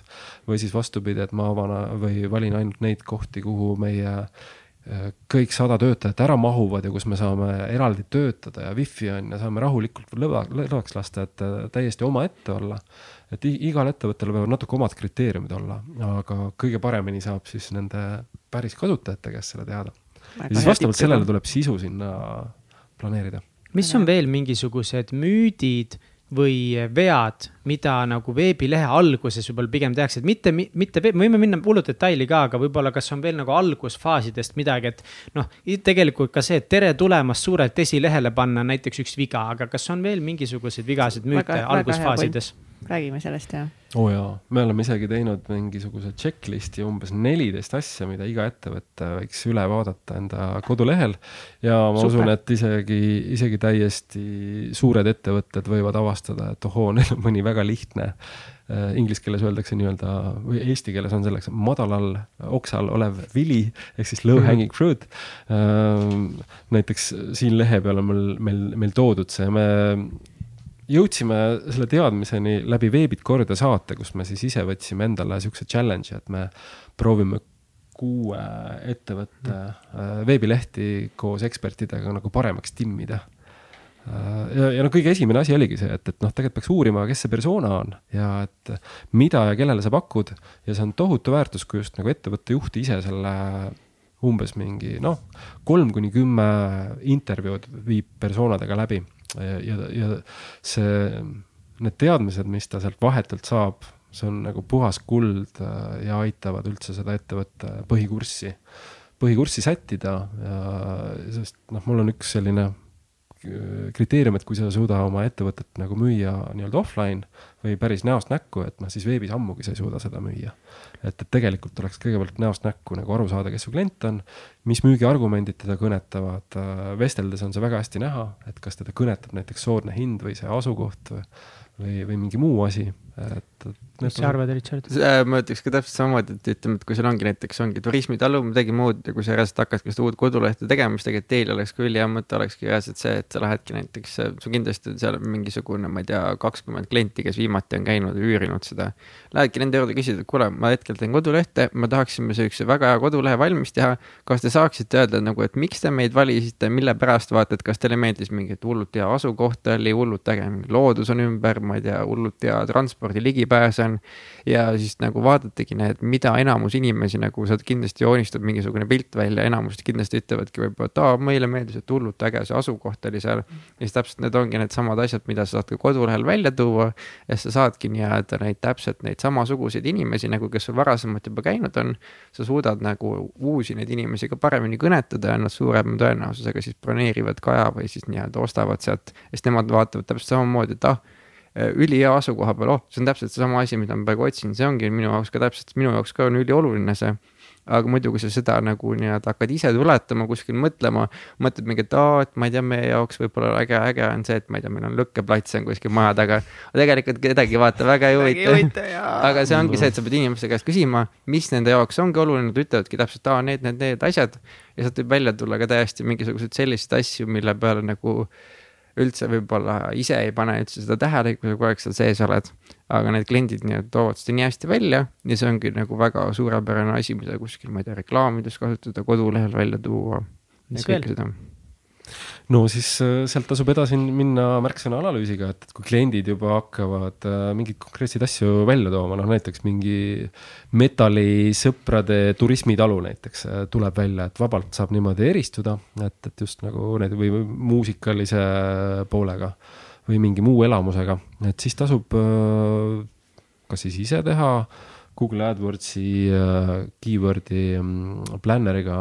juba keeruline. okei, või siis, või siis tasub Richardilt või mõnelt teiselt uh, turundajalt küsida, et, et palun tee mulle märksõna analüüs okei okay,, ühesõnaga, et kas ma, aga kas ma võin teha nagu nii palju, et nüüd, kui mul on äh, veebileht seal Wordpressis või Vogue'iga nagu mingi ülilihtne raam tehtud. ma ei hakkagi seda hullult praegu täitma, sest mida ma täidan, ma ju ei ole küsinud kümne sõbra käest, mida nad arvavad mm. -hmm. ma küsin selle ära ja nüüd ma ei pane tere tulemast, ma panen hoopiski, et äh, tore tore, tore turismitalu, kus saab eh, sada inimest metal-bändi mängida. asukoht hästi oluline, kas ta on Saaremaal, Kuressaares, Lätis või Säknas. kas ma AdWordsina, ma saan natukese hiljem. mis maakonnas see Säkna on nagu? kas AdWords peab kohe tehtud olema, see mingi seo AdWords, see juba nagu hirmutab. see on täitsa, sul oleks mõistlik vaata, hakata seda siis vaatama, kui sul on nii-öelda see koduleht juba valmis tehtud, sa oled nagu, ütleme, et koduleht ei saa mitte kunagi valmis, sa teed alati seda kodulehte. aga nagu selles mõttes, et sa teed seda nii palju valmis, et sa nagu oled ise rahul rahul sellega, sa vaatad, et okei okay,, nüüd ma praegu on siin mingisugune punkt nagu see on nagu okei okay, minu meelest, siin on pildid on paigas, siin on mingid tekstid on olemas. ehk see nii või naa kogu aeg nagu peaksid ikkagist uuendama enda kodulehte, lisama uusi pilte sinna, võib-olla mingi teenuse. Lähme, lähme lihtsalt nagu me jõudsime tegelikult väga heasse nagu punkti sellesse mm, -hmm. et, et, et oluline on see, et mis sul kohe nagu avalehel see info nagu on. Asukoht, kes me oleme, mis, mis me teeme, isegi kui ma olen nüüd võib-olla selle mingite klientide või, või iseenda peast nagu alguses välja mõelnud, aga mis on nüüd nagu ikkagist need veel just alustavale mm tegijale kõige olulisemad, olulisemad asjad. punktid okay., mis peaksid siin kodulehel ikkagi okay. no, eksisteerima. alusta, alustame yeah. ongi, et kõige olulisem on nagu tekst, kirjuta nagu paari lausega ära ja võib-olla ka mingid, ma ei tea pro-, nagu selles vaatenurgas, et proovi siis nagu üle testida, et kes inimesed saavad aru, et, et uh, kellele, kes su sihtklient on nagu uh,. kui suur see ettevõte või, või klient peab olema, kas on mingid asukoha iseloomustusid, kas on mingisugused positsioneerijad, positsioon, noh, et kas sa rõhud rohkem nagu kvaliteedile või hinnale või, või et mis, mis su see unikaalsus on ja kirjelda võimalikult täpselt see toode ära. siis e-, või teenus ja siis on hästi oluline, et oleks äh, pildimaterjali, pilt räägib või, või videomaterjali Video.. ja, ja seda saab mõlemad. vabalt äh, enda nutitelefoniga või, äh, või sõbra või lapse või lapselapse nutitelefoniga teha. see on tohutult lihtne, annab väga palju juurde, kui on nagu päris, äh, päris autentne pilt. et need oleks nagu kaks esimest asja ja, ja võib-olla, mis on veel hästi lihtne asi, on see, et, et kodulehele lisada chat näiteks Facebooki chati vidin ehk siis seal kodulehe kusagil all paremas nurgas on, on siis niisugune nagu jutumulli ikoon ja need inimesed, kes sinna lähevad, vaatavad, oo äge turismitalu. aga siis tekib küsimus, kas see viisteist juuli on nüüd vaba yeah.? ja siis ta saab seal chat'is kirjutada, sest ta ei viitsi helistada. ta küsib, et noh, kuidas teil viisteist juuli on ja sina vahet ei ole, oled kuskil surfamas või, või kontoris või mujal, vaatad, et ohoh, telefon vilgub ja vastad talle kohe, et jah, on küll ja saad talle kohe Kas nagu peale selle, nagu, selle Facebooki päris chati integreerida siis Just, siia kodulehele? ettevõtte, ettevõtete konto, see eeldab muidugi, et sul on siis Facebookis ja, tehtud ja, ettevõtte konto mm. -hmm. selle chati saad väga lihtsasti äh, kodulehele panna ja see oleks nagu sihuke üks olulisemaid asju ja.... ma arvasin, et mitte keegi ei kasuta mitte kunagi neid, ma arvasin alati, et see mingi lööb ette, ma iga kord tavaliselt, ma panen neid kinni, sest mingi mine perse. aga, aga, aga hiljuti, paar nädalat tagasi ma tahtsin arvutada arvutit endale osta. sellepärast, et mul oli kaks nädalat aega, et arvutimänge mängida üksi ja videokaarti hetkel ei saa, ma pidin täiskomplekti ostma. ja siis ma läksin arvuti targa lehele ja ma vaatan, et fuck, et nagu hea videokaart on mingi arvuti sees. aga ma ei tea, kas see on laos või see ei ole, ma ei saanud nagu aru millegipärast. ja mul oli ülioluline, kas ma saan selle kiiresti kätte või mitte ja siis ma kirjutasin chati, küsisin, kuulge, et kas teil on kuskil seda arvutit, mul tuli lihtsalt lambist see mõte, sest see oli ise ülesse ja siis ma olin mingi, aa, fuck, see on ju see kast, mida ma vihkan. kirjutasin sinna, et et kas teil on seda arvutit ja keegi kohe kirjutas mulle vastu. ei, ma ei rääkinud sinuga. et jaa, meil on see olemas selles esindus, ütles esinduse ka ja mis kellaks ma pean kohale minema, et ma samal päeval kätte saaksin. ja ma olin lihtsalt mingi, hüppasin kohe autosse, kirjutasin sinna ja ma sain kohe kätte selle arvuti, ma tahtsin, et see oli haigelt kasulik ja ma alati vihkasin mm, seda. ma võib-olla täiendan ennast natuke või parandan, et äh, see veebichat või, või vestlus äh, muutub järjest popimaks, see on kõige kiiremini äh, kasvav kontaktivorm äh,, vähemalt meie andmetel veebimajutuses. et kliendid üha enam nagu kasutavad seda, aga samal ajal telefon ja e-post endiselt panevad pika puuga ära, et loomulikult kõigepealt kontaktandmed peaksid seal veebis olema okay.. Kas see selle... plugin on tasuline või? ei, see Facebooki äh, vestlusakna vidin on täiesti, täiesti tasuna, tasuta ja, ja WordPressi näiteks mm. selle lisamine ei nõua mingisuguseid mm. IT-teadmisi või kui sa ei viitsi või ei saa hakkama, siis äh, leiab kindlasti endale ettevõtte või freelancer'i, kes teeb selle suhteliselt mõistlikult. ma lisaksin siia juurde veel selle, et tegelikult ütleme, et kui sul ongi see chat'i asi on siis kodulehel olemas, siis tegelikult see eeldab ka sinult siis seda, et sa ikkagist mõistliku ajaga vastad nendele inimestele, et see ei ole niimoodi, et sa paned selle sinna ülesse ja siis sa, ma ei tea, mingi nädala aja pärast vastad oo kuule, et ma nägin, et sa kirjutasid mulle siis see ei ole live chat, vaata. See... live chat'i puhul küll, aga Facebooki puhul on see okei okay,, isegi kui sa vastad päeva pärast, sellepärast no. et Facebookis inimesed saavad selle sõnumi hmm. kindlasti vähemalt kätte. ma mõtlen ikkagist nagu, et kui sul kodulehel see live chat on, vaata, et siis ikkagist nagu oleks mõistlik seal mõistliku aja jooksul, keegi eeldavad, et sa kakskümmend neli seitse seal kuskil sees oled, aga ikkagist nagu mingisugune mõistlik see, et ehk siis sul ongi võib-olla sa pead selle Facebooki lehe äpi pead võib-olla enda telefoni tõmbama, seadistadki seal ära seal, et kui sul tulebki nagu Facebooki sinna lehele tuleb sõnum. siis tulebki Facebook või see telefonile tuleb siis nii-öelda teade.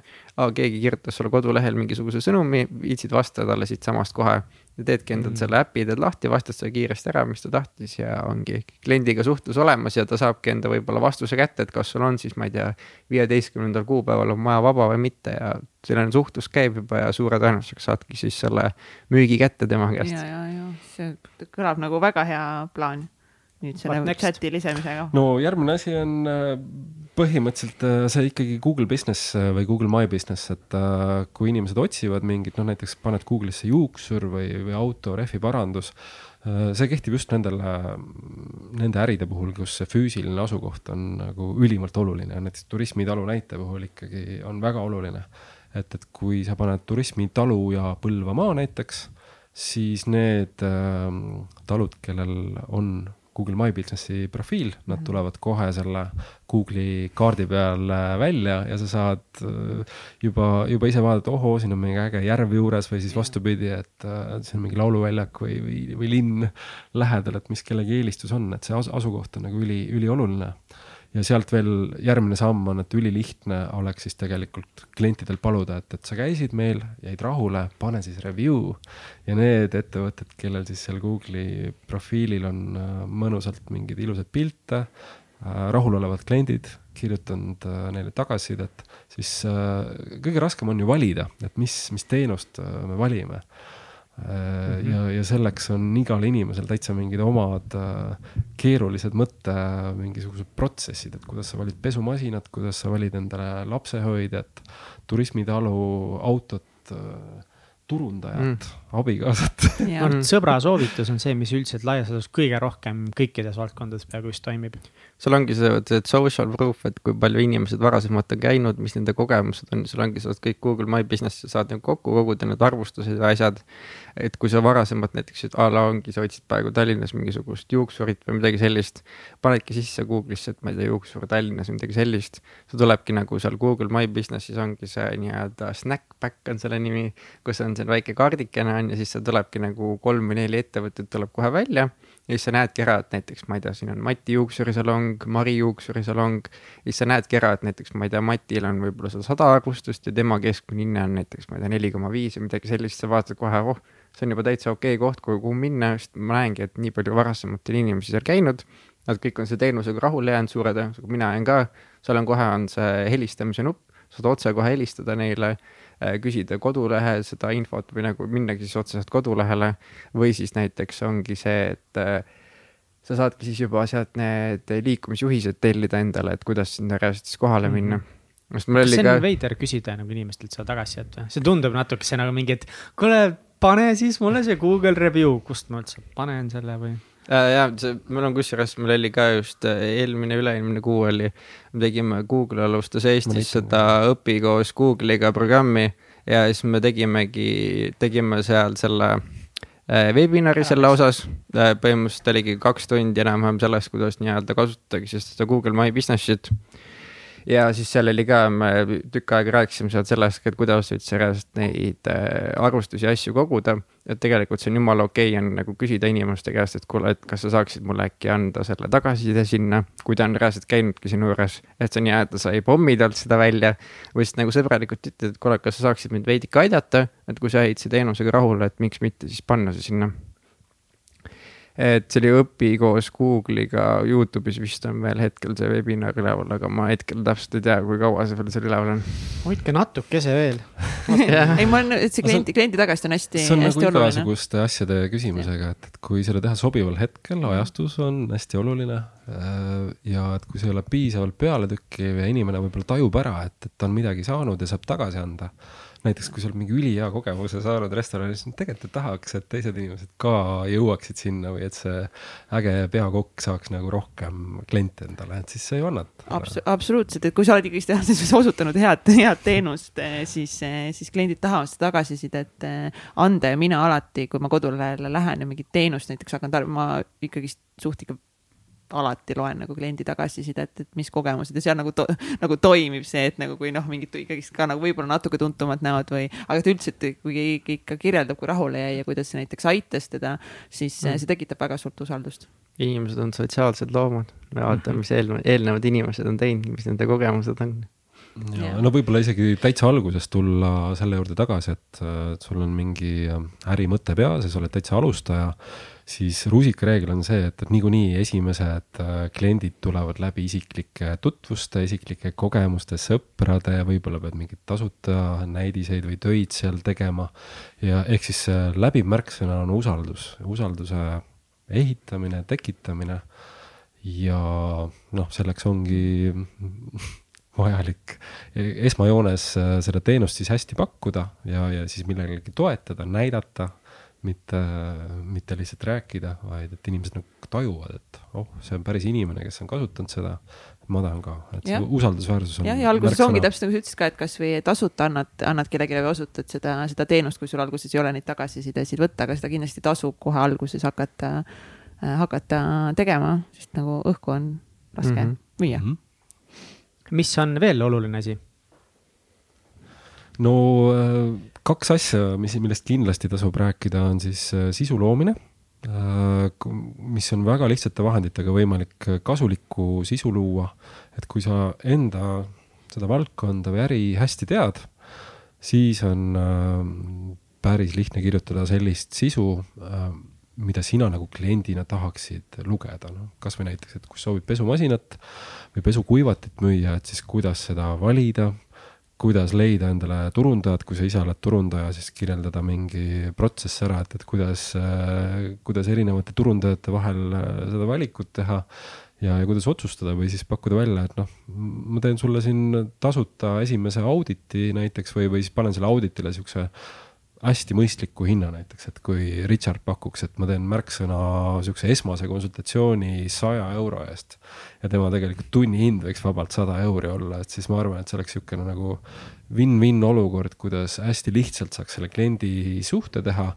Ja, ja sealt pealt, kui näiteks juba see esimene audit toob välja mingid suuremad puudused või tööd, et siis saaks nagu seda suhet edasi ehitada, et hästi kiire, hästi lihtne võiks olla see esmane proovimine ära teha või aidata kliendil äh, kuidagi seda valikut edasi teha, ehk siis äh, luua kasulikku sisu sisu loomine tegelikult jah, see on nagu ütleme, et väga hea viis, kuidas siis luuagi nagu ütleme, et inimesega tänavalt see selline suhe või see nagu näidatagi, et sina oledki täpselt see selle valdkonna ekspert, millel, millest temal on abi vaja. et sa saadki teha erinevaid, ma ei tea, tänapäeval sa saad teha mingeid PDF juhendeid, kõikvõimalikke asju et võib-olla kui sul ongi videoturundusettevõte, siis sa saadki teha näiteks äh, videoturunduse abc või mingisuguse näiteks pannagi mingid peamised punktid kirja, näiteks ma ei tea, viis või kümme lehekülge.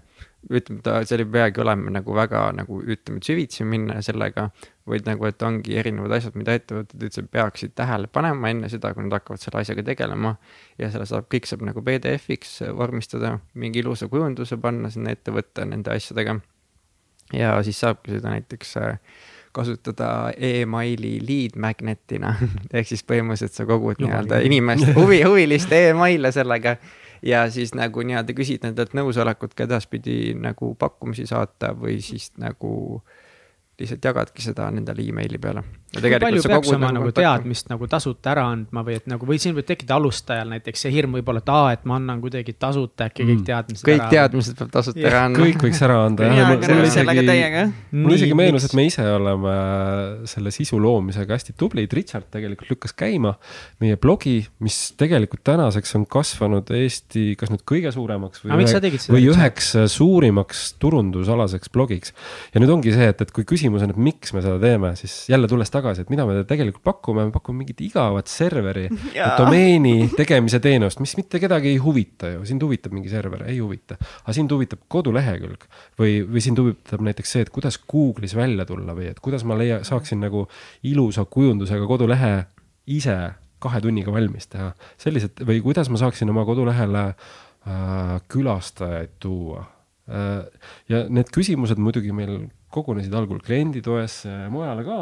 ja siis äh, me otsustasimegi, et äh, okei okay,, et see server on lihtsalt nagu vahend, aga tegelikult inimesi huvitab kodulehekülg, siis kuidagi orgaaniliselt tekkis see ahhaa-moment, et äh, okei okay,, me ei räägi enam sellest serverist, et see on niisugune hügieenifaktor.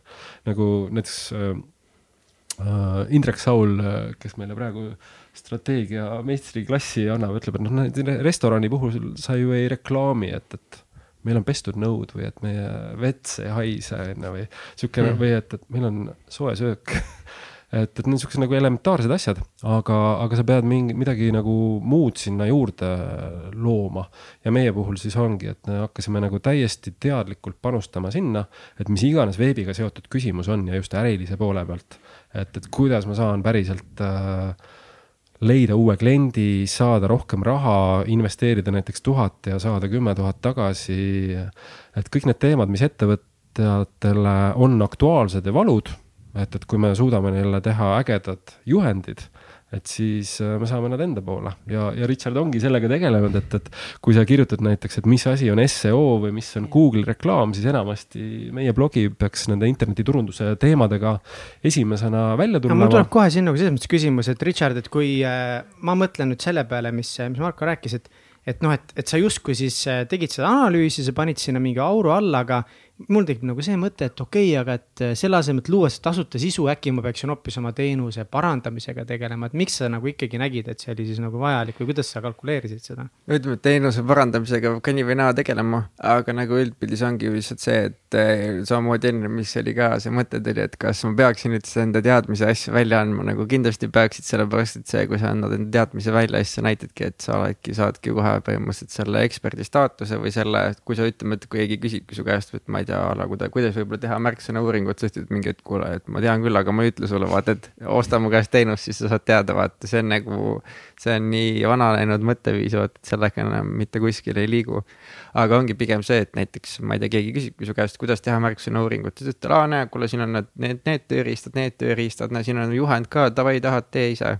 aga ongi see, et enamasti inimesed, ütleme, et neil ei ole aega ja neil ei ole tahtmist ja kõike muud, et neid asju ise teha. aga siis nad tulevadki täpselt kohe sinu juurde, sest sina andsid nendele kogu selle enda tarkuse välja, nad nägid, et sina oh,, see, see tüüp nagu reaalselt oskab seda asja teha, ma usaldan tema käest seda asja tellida.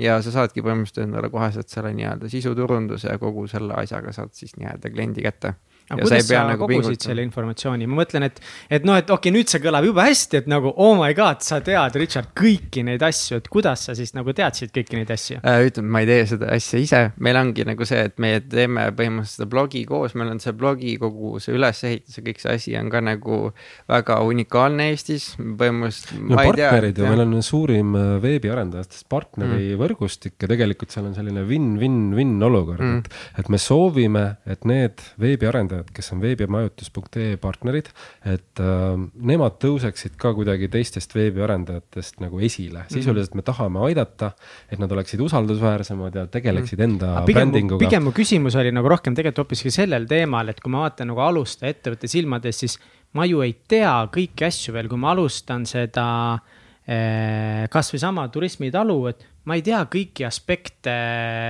kuidas lahedat turismitalu teha või isegi nagu mingit üritustest, et anda nagu seda suurt maailma, mis selle kõik ümber keerleb, et kas sina mm. kohe alguses teadsid kõike seda või kuidas see nagu? Äh, no kindlasti mitte ei teadnud, aga pigem ongi lihtsalt see, et sa hakkad kuskilt mingisuguse asjaga pihta ja sa ei saagi, ütleme, et kui sul võib-olla ongi see talu või mingi muu asi, sa kohe esimese päevaga, sa ei pea tegema kohe seal endale seo-d ära, sa ei pea kohe panema Google'i reklaami üles, sa ei pea kohe mingi Facebooki reklaami üles panema, sa ei pea seal hakkama mingisuguse mingisuguseid, ma ei tea, blogi pidama, kõikvõimalikke muid asju, sa teed lihtsalt enda sammus neid asju nii palju, kui sa oskad praegu ja vaikselt näiteks, ma ei tea, ongi. saad endale selle SEO asja, saad seal korda, sa saad järgmiseks võtta ette siis ma ei tea, näiteks selle, et sa paned võib-olla mingi väikse Facebooki reklaami paned üles, hakkad nagu sa teed järgi liikuma ja kui see on nagu üks asi on juba korras, siis sa lähed, liigud järgmise asja juurde, siis sul asi saab kogu aeg paremaks ja paremaks.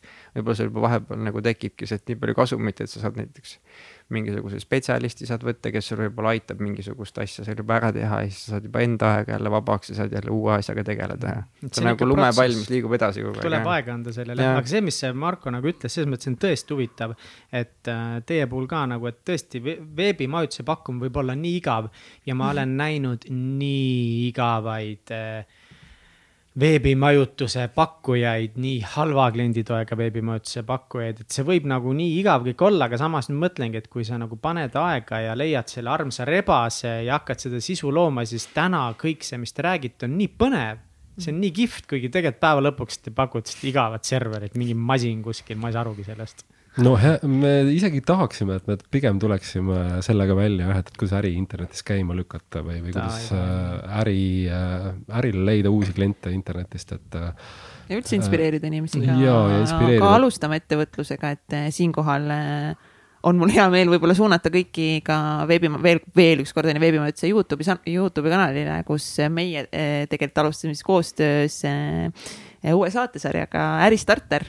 Ja kus me kutsumegi siis erinevaid ägedaid, inspireerivaid ettevõtjaid rääkima, et miks nemad alustasid, kuidas nad alustasid, kuidas nad leidsid oma esimesed kliendid, millal nemad üldse äh, hakkasid kodulehte tegema ja kui suurt rolli koduleht alguses mängis, kui suurt rolli ta äh, nüüd täna mängib, et, äh, et Illimar Pildiga on esimene saade Youtube'is täitsa, täitsa kuulatav ja mina seda saadet juhin ja see on ülitore, et mul on võimalus seda saadet teha ja väga-väga kihvt, et see on ka jällegi üks nagu nii väärtuslik viis, kuidas nagu ollagi nagu siis nähtav ja eristuda ja, ja pakkuda seda väärtust, et päriselt alustage ettevõtlusega ja kui ma leiangi, et ma tahan alustada, siis noh siis ilmselgelt ma võiks ju siis ju domeeni panna ju siis registreerida veebimajanduse. ja nüüd, kui jõuame samamoodi selle turismitalu näite puhul, et, et ta võiks teha mõne pildi, et, et milline see turismitalu siis välja näeb, on ju, et näita, et milline see kogemus on aga äriga alustamise puhul meil on nagu väga raske seda pilti teha, et siis Illimari mm. jutusaade nagu annaks võib-olla siukse ülevaate, et mis see äriga alustamine siis endast äh, nagu kujutab. Äh, ja, ja meie ülesanne ongi nagu muuta, muuta seda asja nagu natuke tajutavamaks, et, et see kõnetaks inimesi ja tegelikult äh, kokkuvõttes kõik inimesed saaks juba luua või samastuda ennast sellega, et isegi kui see mind ei puuduta, siis mul on kindlasti mõni tuttav, sõber, sugulane kelle, kellele aitaks kaasa, kui ta oskaks ennast internetis müüa, leida internetis kliente, et, et see ei ole üldse halb asi. Üleüldiselt selle Äristarti saatega ka, mis meil üldse kokkuvõttes mõte on, siis tegelikult ongi ju see, et ülipalju igasuguseid inimesi on, kellel võib-olla ongi mingi äriidee või mingi asi on sopis peas, mõtles, et aa, kümme aastat tagasi ma juba mõtlesin, ma teen enda selle kohviku või mingisuguse mm, -hmm. ma ei tea, mis iganes, hakkan mingit teenust, asja pakkuma.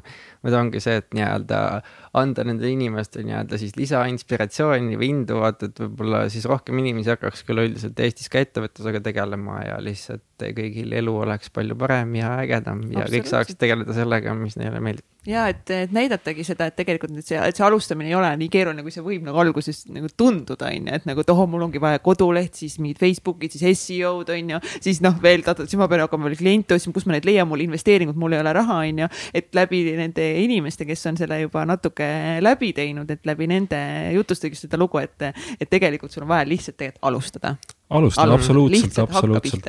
ja kõige olulisem õppetund, vaid mida mina vähemalt olen personaalselt saanud, siis äh, mina hästi tükk aega põdesin mingit valu, et, et kuidas leida nüüd see perfektne idee või kuidas või. leida, leida see asi, mis nagu päriselt toimib. nagu oma mõtlesin... ettevõttes, sa no mõtlesid, mõtlesid ise teha ettevõtet? ja no ma olen erinevaid ettevõtteid mm -hmm. teinud ka, et juba okay. esimene oli mul ülikooli teisel kursusel tegime ühe Eesti esimestest veebiagentuuridest ja nii edasi.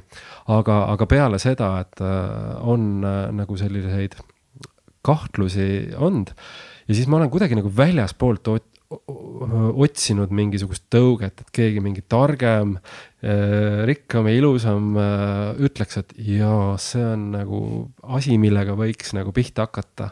või, või, või siis, et, et jah, et sa õnnestud sellega, et minu peamine õppetund on see, et, et sa kusagilt väljast poolt ei saa sellist usaldusväärset teadmist, ainukene viis on nagu proovi ise järgi sellepärast et kogu see asi on nii muutlik ja vahet ei ole, kui tark inimene kõrval on, et, et siis tema ei saa öelda, et kas see õnnestub või mitte. mida jällegi nagu kõrvalseisjana, kui kõige paremini võiks nagu äh, äh, aidata kedagi, et kui sul näiteks äh, sõber või elukaaslane, keegi küsib, et oh, ma mõtlen enda firmat, on ju, et mida ma tegema peaks, siis selle asemel, et mingit detailset analüüsi talle teha või äh, julgustada või, või, või jälle maha teha neid mõtteid, siis tasub lihtsalt öelda, et oo oh,, sul on huvitav mõte, hea mõte, proovi järgi või mis on see järgmine asi, mis sa peaksid tegema. et, et, et natukene lähemale liikuda, et lihtsalt äh, et ei, et ei põeks üle ja et ei muutuks perfektsionistiks jah, see, see, see on nii suur oht nagu tekkima. Ja mina, mida täna nagu kõikidel alustavatel ettevõtjatel soovitan eh, teha, ongi see, et, et okei okay,, et eh, mitte võib-olla küsida nagu lihtsalt oma sõbra käest, kes võib-olla kunagi pole ettevõtlust teinud, on ju, nõu, aga küsida kellegi käest, kes juba selles valdkonnas tegutseb, ehk siis leida endalegi mentor või nõu, nõuandja, okei okay,, ta ei pea kohe olema nagu, nagu täismentor, aga keegi, kes juba sarnases valdkonnas tegeleb, et okei okay,, et mm. no, kuidas sina alustasid, on ju, mis ma peaksin tegema ja tema võiks sulle anda nagu tegelikult väga-väga suurt inspiratsiooni, sisendit ja võib-olla ka nagu juba lihtsaid samme nagu, mida alguses näiteks eh, vältida ja see on üllatav, et kui ilusti küsida, siis ma olen näiteks päris paljude konkurentidega rääkinud ja, ja küsinud täiesti siiralt, no palju sul käive on ja palju sellest äh, kliendisegmendist tuleb, mis nagu võiks esmapilgul olla täiesti konfidentsiaalne info. see on uskumatu, kui äh, täi-, tegelikult lihtsalt saab väga-väga äh, väärtuslikku. inimesed tahavad tegelikult aidata ka, et ja, nagu kui ma ise juba olen kuskile jõudnud, on ju, siis ma hea meelega annan ka sulle nagu nõu mm., et loomulikult hakka pihta ja väldi seda, seda, seda ja proovi nii, et nagu mind aitas näiteks see, et tasub lihtsalt see võib-olla see esimene see. aga mõtle üleüldiselt sul see mentor nii-öelda, ütleme, et ei peagi olema selline päris inimene, kellega sa võib-olla saadki kokku, võib-olla see ongi reaalselt mingisugune podcast, mida sa kuulad, mida sulle meeldibki kuulata, mis ongi, ma ei tea, mingi ettevõtlus podcast, turundus podcast, e-podcast huvitavad ettevõtjad, inimesed käivad, vaata, räägivad enda lugu.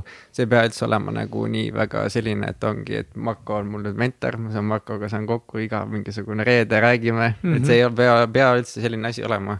vaid ongi lihtsalt see, et sa tarbid sellist, tema lihtsalt sisu. aga vabalt võib näiteks äh, no,. Eestis see on, ma olen ise yeah. ka nõus, et Eestis see on tegelikult lihtsam, kui tundub, aga nagu ei tasu jääda otsima või liiga pikalt mõtlema, et tõmba see Youtube lahti ja siis mine linna seda mm. mentorit otsima, samal ajal ajal keegi mentor juba räägib kõrvas no seal on muidugi loomulikult oht ka siis saada võib-olla infot, mis ei aita kaasa või, või, või vales suunas minna, et, et. aga sa ei tea te... kunagi seda ju tegelikult. ei tea ja, et mõnes mõttes teiste inimeste äh, lood või ettevõtete lood äh, räägivad seda paremini. et äh, ka, ka asjad, mis lähevad pekki või asjad, mis õnnestuvad, ega ettevõtete loomine nii väga erinev ei ole, vahet ei ole, kas sa teed Äh, siin veebimajutusega pakkuvat ettevõtet või sa teed videoproduktsiooni või, või siis ehitad mingit tehast, et kokkuvõttes väga palju asju kattub seal mm -hmm. ja, ja üksteiselt saab ja nendest lugudest saab õppida kõige paremini. aga mis teil endal midagi pekki läinud on, millest te õppinud olete? meil on ka enam, enamasti on need kõik sellised äh, igasugused arendustööd ja sellised asjad, sest nagu näiteks me, nii-öelda mul, mis viimasel ajal siin on olnud, ongi lihtsalt see, et meil on nagu uus koduleht, mida me nüüd arendame, põhimõtteliselt oligi eelmine koduleht juba oli nii ära vananenud ja seda lihtsalt ei olnud nagu enam majanduslikult mõistlik nii-öelda edasi tegeleda selle asjaga siis me hakkasimegi nagu nullist hakkasime seda uut kodulehte tegema. aga seal nüüd on ka igasugused erinevad takistused, kõikvõimalikud asjad on ette tulnud seal arendustööde asjadega ja siis on natukene tähtajad on veninud aga selles mõttes, et ega see ei olegi otseselt nagu mingisugune pekkiminek, vaid lihtsalt ongi nagu mingisugune koht, kus õppida, mida võib-olla järgmine kord oleks saanud paremini teha. ja ega kõiki asju nii või naa ei saagi nagu ette näha ju, mis sul juhtuma hakkab. vist iga, iga kord on selline see error margin on sees seal, et mingisugused asjad, mis nii või naa võivad kuskilt lappama minna. kas teil pidi, oleks pidanud praegu juba olema uus koduleht laivis? meil oleks pidanud vist üle-eelmine aasta olema see väljas me oleme, me oleme, me oleme mõned, mõned aastad oleme seda teinud ja mõned aastad on üle läinud.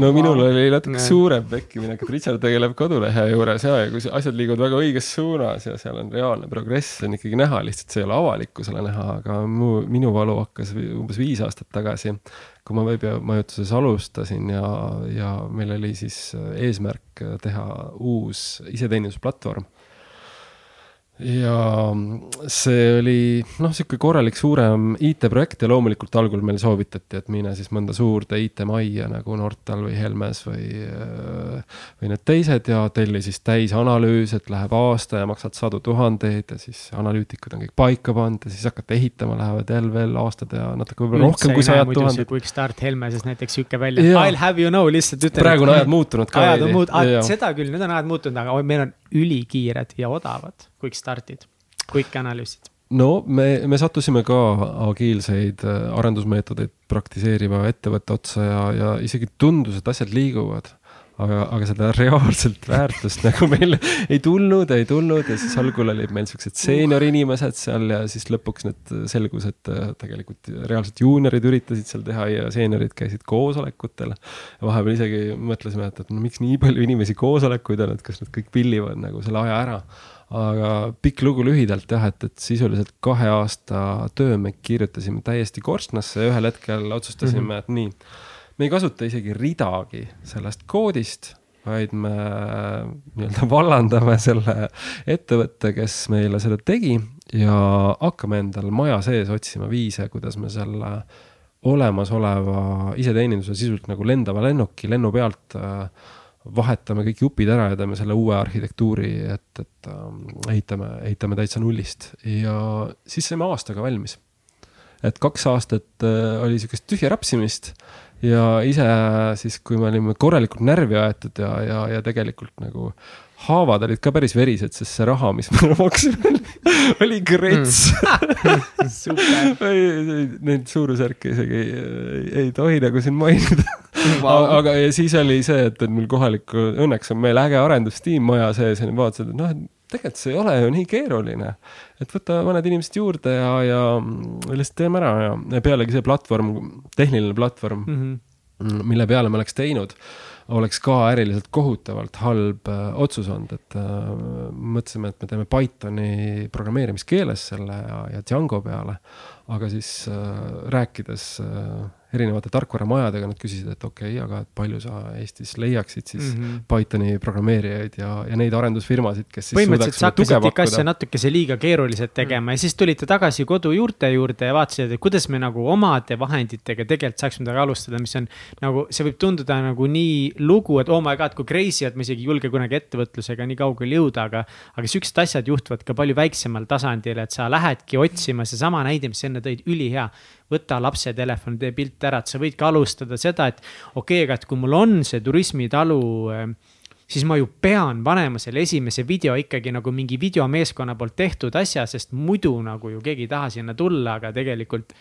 noh, kui sa katsiga teed, läheb video hullult hästi, aga teed äkki kuskil mujal, siis lähebki palju raha, läheb palju aega ja lõpuks noh, inimesed ei tule video pärast, vaid ikkagi Nad tulevad videopärast ka, aga no see on see, et kui sul on ikka mingi eelarve, et kuhu sa selle kulutad, et kui sul on näiteks tuhat eurot, kas sa paned kõik selle video peale või kõik ainult kujundusse või kõik reklaami.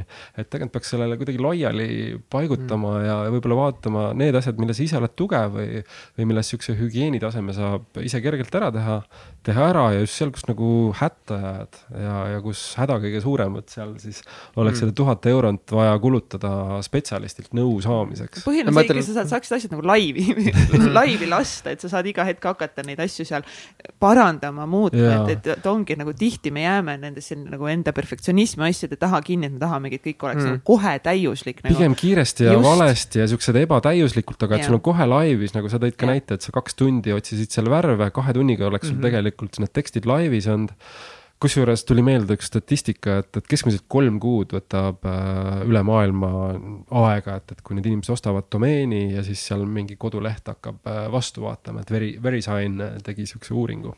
aga Richard, nagu mis siis, mis siis veebis nagu niimoodi valesti läinud on, praegu ma siin mm. mõtlen, et peaks nagu lihtsalt alustama, midagi laivi panema ja mis toimub? paneme ikka siin, teeme haavad lahti jah, ei ongi igasugused, noh, ongi lihtsalt see väljast eh, sisseostmine, igasugused ka, just ütleme, et ma nagu ise ütleme, et ma orienteerun seal veebiarendusmaailmas ja kõigest selles vaata ka, aga ikkagi see lõppkokku, lõpuni ei ole kõikvõimalike nende tehnoloogiate, asjadega ei ole nii väga tuttav ja siis ongi see, et ütleme, et kui sa ikkagist kuskilt teisest ettevõttest ostadki nii-öelda seda veebiarendust nagu teenusena sisse ja mitte nagu selles mõttes, et meil ei ole otseselt see koduleht jälle kuskil Wordpressi või selle peal. meil on lihtsalt nagu täiesti nullist põhimõtteliselt lihtsalt tühi maa ja lihtsalt hakati lihtsalt koodi kirjutama ja kõik on nagu, kogu see süsteem on nagu hästi keeruline, sest meil ongi see, et erinevate teiste keskkondadega suhtlus, andmete kuskil tõmbamine, andmete võtmine, et kõik need tellimused, asjad kõik läheksid läbi, et kõik asjad oleksid turvalised, tegelikult see koduleht iseenesest nagu see on lihtsalt nagu nii suur, kogu see kogum on see asju, et seda lihtsalt nagu ütleme, et nii või naa nagu ei hoomagi ja siis ongi, seda kõike on nagu väga keeruline kõike nullist alustada ja teha. Ja eks sellepärast seal ongi vahepeal siis äh, väiksed venimised olnud sellega, aga muidu iseenesest jah, nüüd meil vähemalt ongi see, et äh, nüüd juba julgeb öelda, et varsti siin lähikuudel, võib-olla äkki, äkki, äkki sügiseks on laivis uus värske mõnusa disaini. rääkige mingeid eh, lugusid, mis on klientidel natuke võib-olla vussi läinud veebi arendades mm -hmm. või veebi tehes? Äh, me siis nagu enda veebimajutuse klientidest äh, ei räägi, aga kuna nii Richardil kui minul on äh, lihtsalt äh, kogemusi ka mujalt et äh, ega ka Richard, kui ta hakkas blogi kirjutama, enne seda oli mitu e-poodi teinud ja reaalselt korralikult müüki teinud.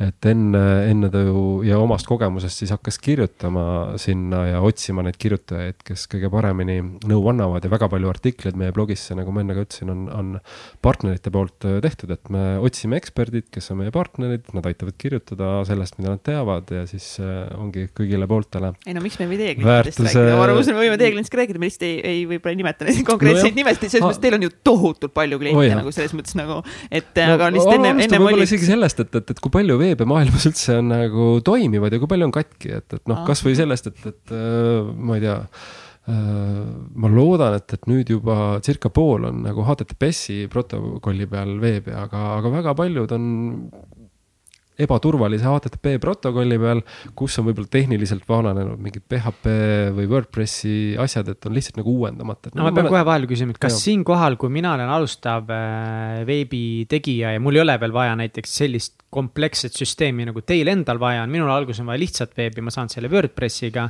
kas ma pean muretsema sihukeste asjade pärast? ei nagu pea, õnneks ei pea ja tegelikult, äh, tegelikult HTTPS on sihuke elementaarne, et seda, kui sa uut asja hakkad tegema, siis äh, see tuleb sul kaasa nii et see tuleb teie poolt, mina ei pea muretsema, kus mul see kuidas... Ta,. tasuta meiega koos. tasuta teiega koos, jess. ja, ja pigem ongi kõige lihtsam lahendus on see, et kui sul on mingi vana ja pekkis kodulehekülg, siis tegelikult enamasti tee lihtsalt uus koduleht ja pane see vana sisu uh, uute ja sa umbes mingi päevaga saad endale tehniliselt up to date täiesti uues ja uue korraliku mobiilis uh, toimiva kodulehe, et, et selle asemel, et põdeda ja hakata seda tellima. see on hea teema jälle tõid väga hea asja üles ja mobiil üldse nagu, kes üldse täna desktop'ist kodulehti vaatab no,, et kuidas ma teen mobiili jaoks ikka, kodulehe? ikka mingi pooled vaatavad veel, et okay, aga no, see, oo jaa, oo jaa, et, et mobiil on ikka üli-ülioluline. Meil on ka needsamad, need tasuta kujundus, mis ma siin enne mainisin, tegelikult on ka kõik on juba kohe out of the box on mobiilist väga hästi toimivad ja need on nagu selles mõttes mobiilist hästi välja läbi mõeldud.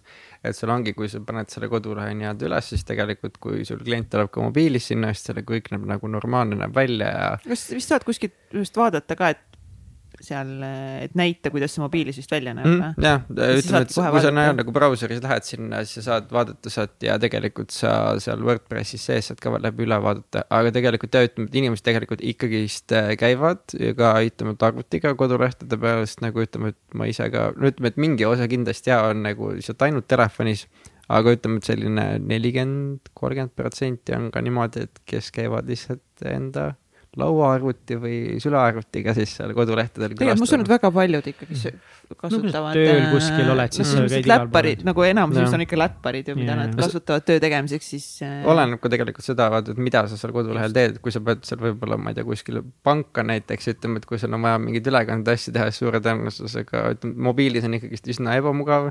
pigem nagu ikkagist lähedki, logid arvutist kuskil sinna sisse, ma ei tea, ID-kaardid, Smart ID-d, muud asjad.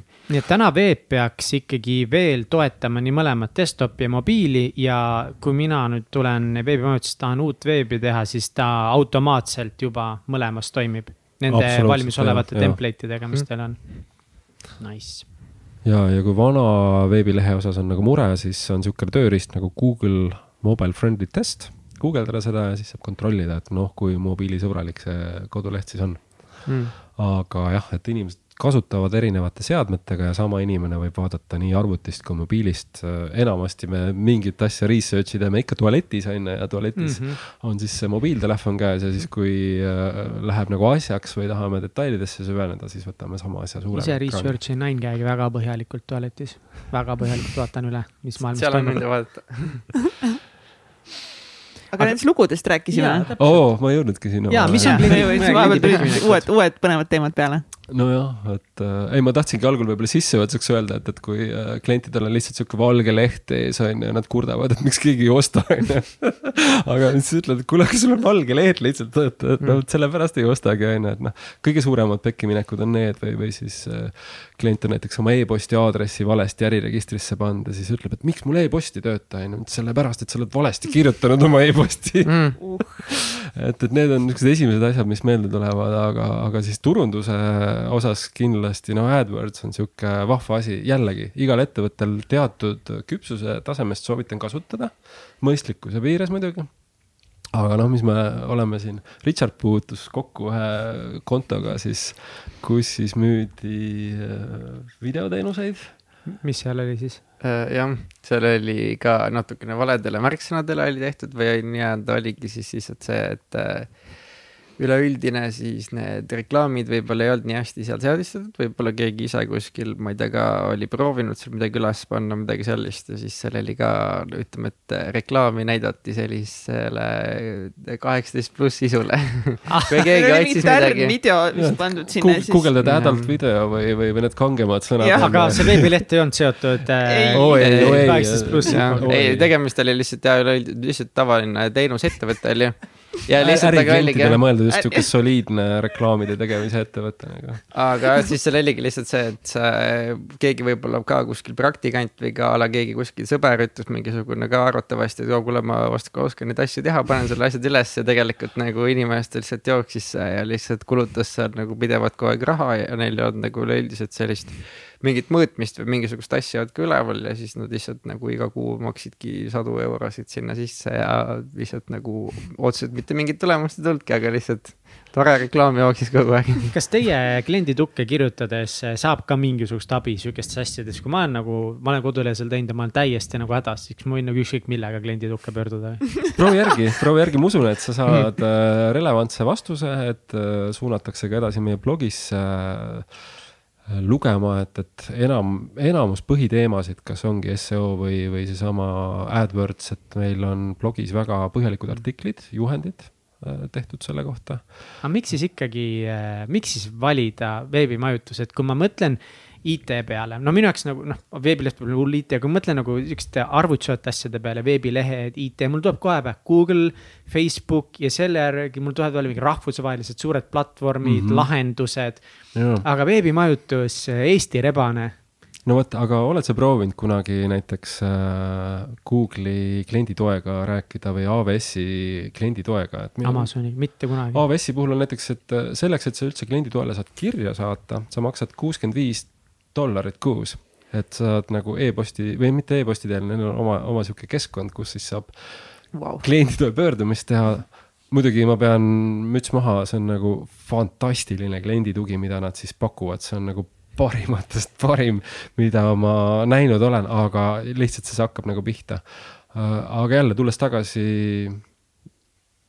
kliendi toe juurde, mis iganes küsimused on, meie juures ükski küsimus ei ole rumal, keegi ei pea ennast tundma kuidagi halvasti, et ei tea midagi. pigem me oleme saanud seda tagasisidet, öeldakse, et oh, ma võin küsida rumalaid küsimusi, teie juures on nii lihtne ja, ja me oleme alustajasõbralikud, et see on vast asi, mida kõige rohkem kliendid toovad välja tagasisides ja, ja intervjuudes ja, ja siis me peame rahulolu ja rõõmuga tunnistama, et see on ka asi, mida meie soovime teha mm. -hmm mis veel? no äh, kõige lihtsam WordPress alustajale loomulikult. et, et äh, selle asemel, et, et seda WordPressi serveerida, et, et sa kõigepealt võtad mingi serveri ja siis hakkad eraldi peale panema, siis me proovime rääkida kliendiga lihtsas keeles, et, et mitte kasutadagi neid keerulisi termineid, vaid räägimegi koduleht ja kodulehe all on meil siis see WordPressi mootori paigaldus ja kui juba klient selle WordPressi äh, Äh, tarkvara paigaldab, siis me juba seadistame sinna juurde ka, nagu sa enne ütlesid, et see Elementari tööriist, kus saab visuaalselt seda teha ja, ja siis ka valmiskujundused näiteks. ja mis veel?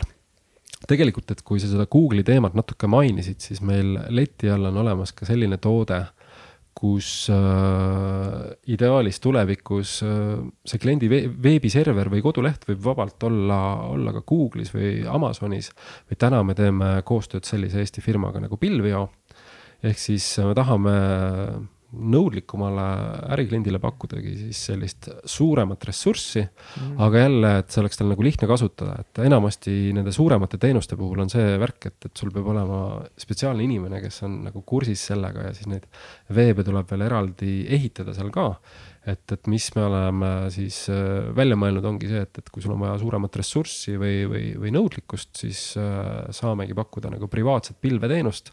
aga kasutaja jaoks näeb see täpselt samasugune välja, nagu see veepesuks meie juures mida te väga hästi ei tee, et kindlasti kõik teie teenused ei ole ideaalsed või kõik teie oskused ei ole identsed, mis on nagu, mis on teie nõrkused? iseenda kodulehte teha me ei ole nii suur nagu Telia, me ei ole nii suur nagu Telia, et meil ei ole nagu kogu Eesti kliendibaas taga. see ei ole, see ei ole aus, see ei ole aus. endale lubada, et me oleks natukene niisugused nagu üleolevad, et, et kindlasti. ei, see, see, ma ei aktsepteeri seda vastust, see on mingi poliitiline vastus, me ei ole piisavalt suur. ei, ei, ei, pigem ongi see aus seepal on ikka kingad. me ei ole nagu tuge, tugevama suuruses ja see põhi, põhimõtteliselt panebki meie DNA paika, et me peame olema nutikam Äh, konkurendid on, suuremad konkurendid on meist siin Eestis vähemalt äh, kolm korda suuremad, kolm korda rohkem raha. ja me peamegi pingutama, et, et kuidas siis oma klienti paremini mõista mm., kuidas talle pakkuda rohkem väärtust, äh, teha seda efektiivsemalt, tõhusamalt, joosta, mõelda uusi asju välja, et, et see on vast see, mis, mis on meie tugevus, aa okei okay,, see oli vale küsimus. jah, see, see ma räägin nagu see mingi full poliitika hakkas pihta nii mhm. ausalt veel nüüd sa, Marko, sa pead ikka ütlema nüüd ühe asja siiralt, eh, mida te ei tee hästi või, või sa ei pea siis seda ütlema.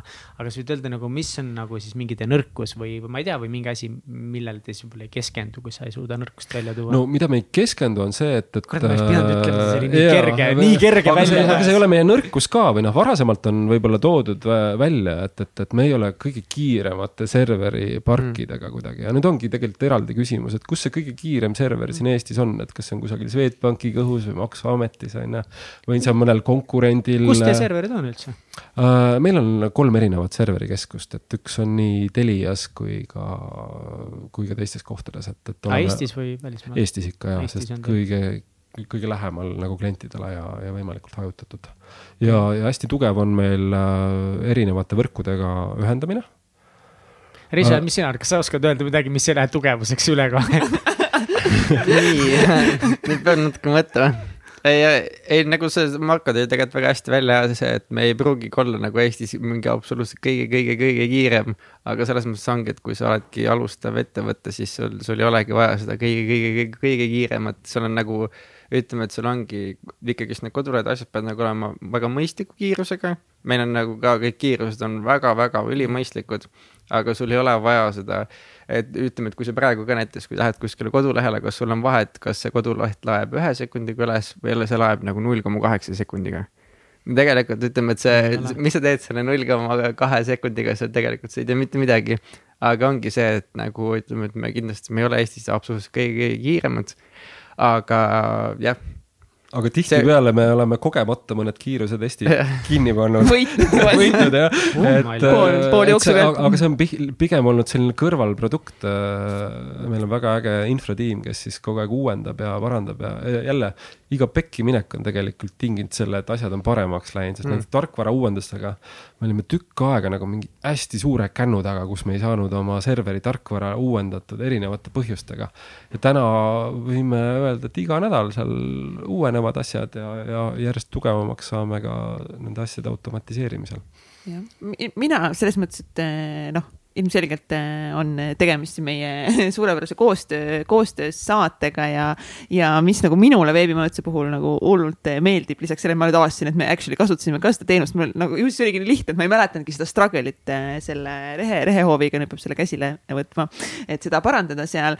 aga ma mõtlengi, et lihtsalt nagu, et te olete inimestena nii lahedad äh, tegelased, et tõesti nagu nooruslikud, mõtlete teistmoodi ja, ja teid päriselt ka huvitab mis on kliendi probleem ja kuidas seda lahendada saate.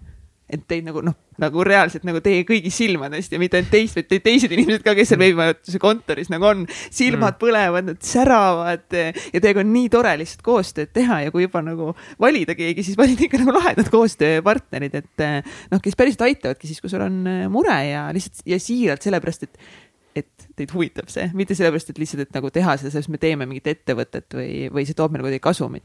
et see on nagu hästi kihvt. ei no igatahes jah, meil kliendid on meile väga südamelähedased. on ja seda on tunda, nagu Aitäh. see on, see on. koostööpartnerid ka muidugi, et, et me iial ei uskunud näiteks, et me saame Swedbankiga ühte paati, et Swedbank hakkab enda klientidele meid soovitama, aga järsku ma ei tea, out of nowhere äh,. kuidagi see koostöö hakkas sujuma ja, ja me proovisime nagu anda ka neile nõu, nagu nõu ja ideid, et kuidas nad saaksid äh, enda tooteid enda klientidele nagu selgemini kohale viia ja kuidas need on siis nagu meie tootega omakorda seotud, et noh.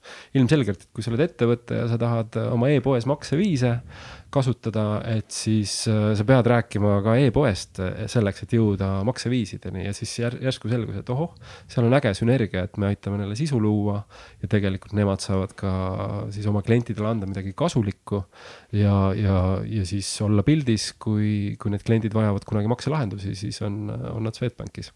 jah ma võib-olla, ma hüppan nüüd täiesti teisse teemasse, aga mm. kuna me juba rääkisime sellest ühe euro asjast, siis ikkagi läbipaistvuse nimel, siis kui palju ikkagi siis maksab äh, noh, suurusjärgus, ma ei pea sendi täpsusega praegu siin panema, igaüks saab ise pärast veebilehelt äh, välja vaadata, aga kui palju siis maksab nii-öelda mingisugune tavaline pakett reaalselt pärast seda, kui üheeurone periood on läbi? no ütleme, et meil see kõige, kõige, kõige tavalisem pakett on seitse eurot, no ütleme ligikaudu seitse eurot kuus koos käibemaksuga siis või sõltub ja. ka perioodist, et kas sa maksad kuu kaupa mm. või aasta poole. aga tegelikult ütleme, et sul ongi, kui sa reaalselt kasutadki seda niimoodi, et sul ongi seal koduleht on üleval, sa kasutad seda e-posti kogu aeg.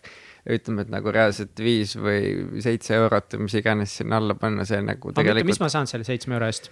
Äh, sa saad enda seda WordPressi või siis seda Voo kodulehte e, e-poodi saad seal üleval hoida, sa saad endale selle eest siis selle e-posti teenuse, kui saad enda nimega need igasugused e-posti aadressid luua, saad sealt välja saata, vastu võtta neid e-kirju. Ja see, selle saadki. ja nüüd äh, me oleme selles suunas minema strateegiliselt, et, et me plusspaketti tahaksime panna rohkem just selliseid nagu pehmemaid värilisi väärtusi juurde, mitte et veelgi rohkem serverit või veel kiiremad asjad, et see on nagu elementaarne mm -hmm. hügieen nagu restorani puhul. seesama, et nõud on pestud ja, ja asjad on korras, et aga näiteks üks viimane asi, mis meil lisandus, on äh, Batch Stacki äh, turvamonitor ja tulemüür, mis siis kõigi meie plusspaketi klientidele on tasuta hinna sees et sisuliselt, kui batch stack'ist äh, otse seda võtta, siis äh, nende hinnad seal olid kusagil neliteist äh, dollarit lehe kohta. mis see, mis see tähendab? sisuliselt batch stack aitab näiteks seda teha, et kui sul on WordPressi koduleht kasutusel ja, ja seal on näiteks mõni plugin või moodul või, või versioon vananenud, siis ja. häkkerid saavad seda kohe ära kasutada. aga batch stack siis hakkab mm -hmm. kaitsma seda ja tõrjub need häkkerite rünnakud eemale, ilma et sa peaksid ise midagi tegema selleks. kas ma oleks kohe mõistlik siis see plusspakett võtta või? Ma arvan küll, jah sest kui sa maksad, ei no teeme lihtsa arvutuse, et kui sa maksad kellelegi siis selle mm. kodulehe mm. häkkimise eest mingit raha, no sa alla mingi viiekümne või saja mm. euro ei leia ikkagi kedagi. ja tegelikult, kui sul on siis äh, kuskil kümme euri kuus on siis meil see plusspakett mm., sada euri aastas. mõned eurod juurde ja et äh, ja seal on olemas kõik, mis sul on kiiruseks vaja ja, ja siis lisaks nüüd ka see turva, turvateema et, et. kui mõtled, võiks nagu nõu küsida poiste käest meie enda täitsa pekis saate tegemisel, et põhimõtteliselt nagu ülilühidalt praegu, et ma mõtlen, et meil on, me nagu, meie saate enda koduleht on noh, kõige viimane asi, mida me üldse elus kuhugi oleme tähelepanu pööranud. aga meil on plaanid on suured, plaanid on suured ja me tahame. mis teie eesmärgid on? Eh, ja me, me tahame teha veebikeskkonda, mis on lõpuks nagu platvorm ja me ei ole kindlad, et me peame kõike ühte domeeni või ühte veebikeskkonda eh, mahutama, aga peamine, mis seal saab olema, et seal on üleval need saated, mis on lihtsalt RSS feed'iga, on ju see on lihtne. siis me tahame sinna panna üles videosid, et seal on mingi keskkond, kus saab üles laadida videosid siis me tahame, et seal on võimalus äh, hakata mingisuguseks äh, subscriber'iks. ehk siis meil peab olema mingi kasutajate haldus mingite subscription pakettide. sa räägid juba sellest nagu suuremastest akadeemia. tahate nagu sellist see... tasulist sisu no, müüma hakata? üldistada erinevaid asju kokku panna lihtsalt komponentidena tehnilise okay. nurga alt mm. -hmm. ja, ja, ja, ja, ja, ja noh, ongi mingid makselahendused, eks ole mm. -hmm. ja noh, ja siis äh, veel täpselt see, mis äh, Kats rääkis, et ole, et seal on siis lõpuks ka mingisugune äh, kommunikeerimis, suhtluskeskkond. jaa mina ei ole siin ekspert, aga ma tean, et Timo Porval on kasutanud turunduslaboris paari valimisplatvormi. meie akadeemia mentor, nii no, et shout out Timo. küsi Timo käest, Timot ka alati soovitan, et kui on turundusabi vaja või, või jällegi ise nagu soov areneda, see turunduslabori asi on tal ikka geniaalne väga, ja, ja see väärtus, mis sealt saab yeah., on metsik. ta soovitas küll seda platvormi ja millega teha neid sotsiaalkeskkondasid, aga me tahame ikkagi mm. oma veebilehte tal on see videoplatvorm ka yeah. samamoodi, et, et siis need oleks kõige esimene valik. ja WordPressil ka kindlasti on võimalik teha sellist asja, et oma sisu kuidagi tasuliselt müüa, aga mina ausalt öeldes. pigem läheb keeruliseks, ma arvan, sellega see pigem hea kasutada võib-olla, mis ma pakuks, et mingisugust valmis keskkonda, mingisugust sellist lahendust mm -hmm. võib-olla ongi, kas seal mingi teenus või asi olemas, ma arvan, et no teoreetiliselt üks variant on ka see, et nagu lihtsam see kodulehe pool ja kõik see ehitada sinna WordPressiga ja siis nagu ütleme, et tasuline ja see teine, see teha nagu kuidagipidi eraldi keskkond sinna külge aga kõiki neid asju nagu kuidagi sinna WordPressi sisse pakendada, ma arvan, et see läheb nagu väga ulmeliseks, suureks ja väga keeruliseks ja seal peaks nagu kindlasti ka veebiarendajad, kõikvõimalikud spetsialistid võtma. sama jah, et mingid asjad on juba nagunii välja arendatud mm., et mida nagu ise ei peagi arendama üldse hakkamagi. sest tänapäeval sul ongi, ma ei tea, mingisugused, mis iganes mingid teenused, asjad nagu maksavadki kuskil, ütleme, et kui sul ongi võib-olla keegi võib-olla kuskil USA-s ongi juba välja mõelnud a la mingi sarnase lahenduse, mis mm -hmm. teil on mhm. praegu vaja, maksadki kellelegi kuskil, ma ei tea, mis iganes kui see on isegi mingi viiskümmend või sada euri kuus selle nii-öelda kogu selle mingi valmis lahenduse eest,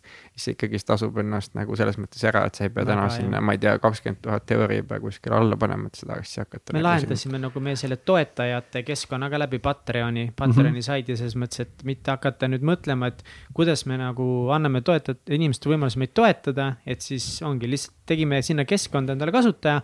ja selles mõttes ongi nagu lahe ja ma, ma ise usun väga seda, et kasutada võimalikult palju valmisolevaid tooteid. aga siis lõpuks ongi nagu küsimus see, et, et äh, see on alguseks väga hea ja ma arvan, et see on õige viis alustada, aga lõpuks me tahaksime sellest kokku tuua nagu mingi ökosüsteemi. ja siis lähebki nagu keeruliseks, et mis hetkel on nagu üldse mõistlik sellest ehitada kokku mingisugune ökosüsteem ja mis hetkel nagu ei ole.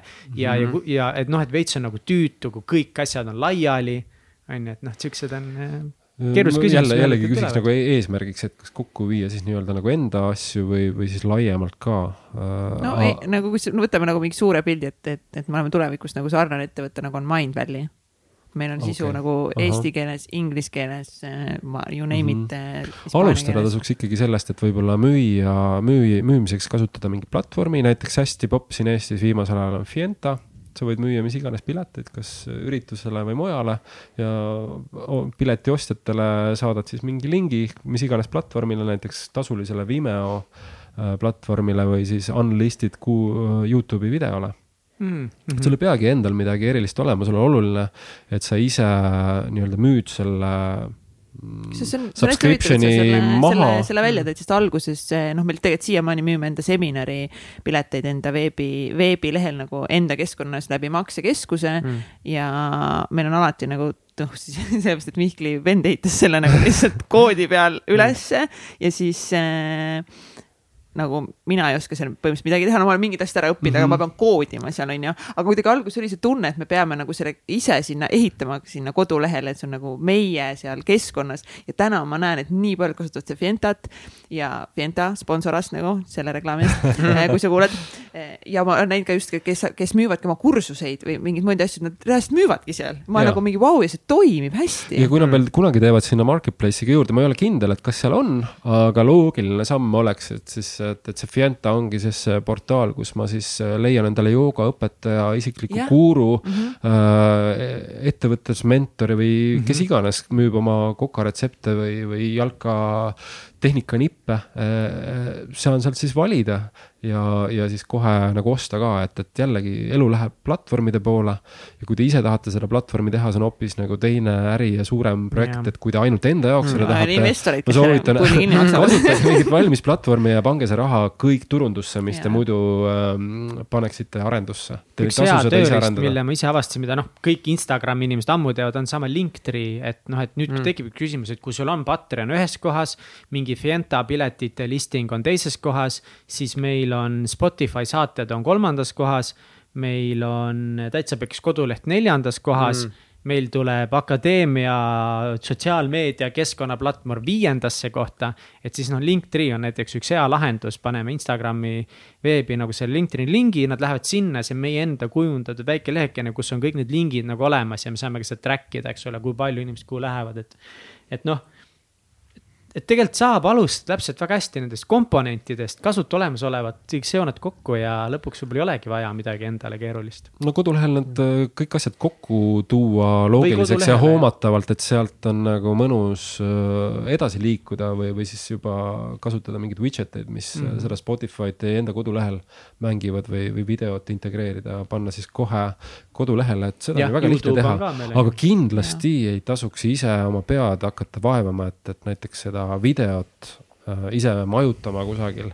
oi, see on nii keeruline ja nii mm -hmm. raske ja ta kohe põrkuta selliste probleemidega, et, et ei, makske tasulist mingit Vimeot või Youtube'i äh, ja, ja kasutage ja Spotify'd, SoundCloud'e, neid, neid platvorme, aga kodulehe peal saate seda materjali nagu välja tuua mm. ja igast piletimüügid, maksevariandid ka täiesti okei okay on mitut asja kasutada mõnus, mul tuli praegu üks mõte, ma ei ole siin üldse poistega seda kinnitanud. Äh, aga nüüd, kuna ma selle siin välja ütlesin, nad ei saa lihtsalt enam selle keelduda. best, kus nagu mingeid ideid välja tuua. ja, ja absoluutselt, aga õnneks ei ole üldse nii äh, Richard on lihtsalt juba, oh my god, I have no time for this siis ma tean, kui busy Richard on, aga ma just mõtlesin, et nüüd, kui sa kuulad äh, seda saadet ja sa oledki mõelnud enda kodulehe tegemisele või, või kui sa oledki seda kodulehte praegu just tegemas, et sa saadet kuulanud, sa oled saanud siit häid mõtteid, aga sul ikkagist on tekkinud nüüd mingeid küsimusi siis ma arvan, et, et me võiksime need küsimused kuidagi nüüd kokku koondada ja me võiksime võib-olla veel Instagramis teha veel mingeid küsimusi ja me, ja me võiksime mingi hetk teha kas siis mingi laivi või siis uue saate ja vastata nagu päriselt siis tekkinud äh, küsimustele või, või probleemidele. ma usun, et äh, sellega te olete äkki nõus mingi, mingi aja pärast lihtsalt on ju. miks mitte. Jah. Super, et siis lähtudes meie komponentide ja platvormide loogikat, siis Google Forms, Linktree kaudu link mm. ülesse ja kõik leiavad.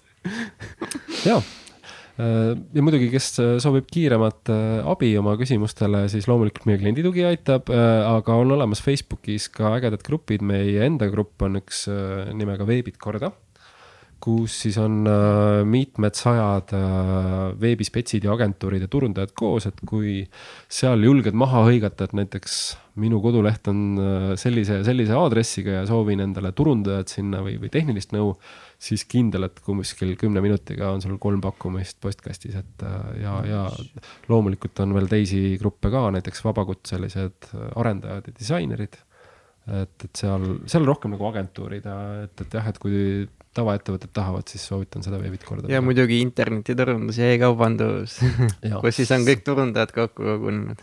kas see on nüüd Facebooki grupp, mis sa ütlesid? jah internetiturundus ja e-kaubandus e. ja siit tegelikult ka üks äh, mõttepoeg kõigile ettevõtetele, et kui äh, soovida endale noh, nüüd sisu loomine on üks asi, aga teine asi on siis nii-öelda äh, inimeste inseneerimine või gruppide loomine, siis tasuks tegelikult ka mõelda sellele, et kas on selline tühi koht äh, gruppides ja, ja hakata mingit enda gruppi üldse nagu Facebookis äh, tegema.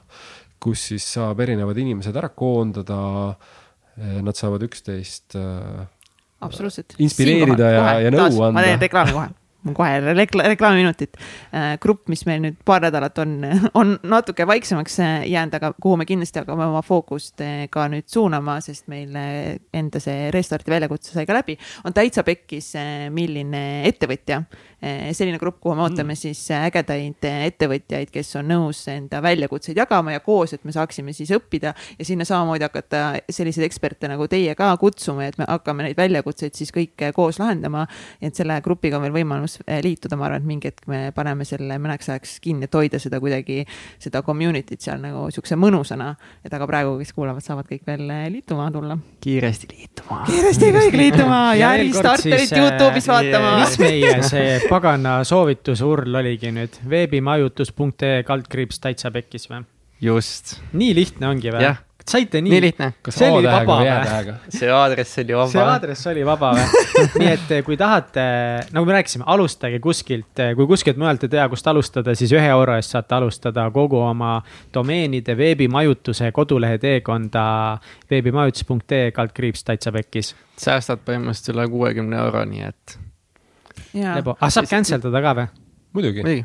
kas saab alati cancel dada ükskõik mis hetkel või? no kolme kuu jooksul siis ei pea sinna juurde maksma, aga isegi kui nüüd äh, juhtub niimoodi, et läheb, äh, unustad selle ära ja teavituskirjale ei reageeri ja esitatakse arve, siis kirjutage klienditukke meile ja, ja soov, paluge siis teenust katkestada ja, ja alati igal ajal saab teenust katkestada mm mul on siia, siia veel üks küsimus seoses selle domeeni registreerimisega, et nüüd, kui sa lähed sinna veebimajandus.ee kaldkriips täitsa pekkis on ju äh,, aga kui suur üldsegi on, on Eestis äh, täna see teema, et äh, kui ma guugeldan mm, -hmm. näiteks ongi, ma tahan oma ettevõtet nüüd hakata registreerima, siis mingid äh, süsteemid salvestavad selle ära.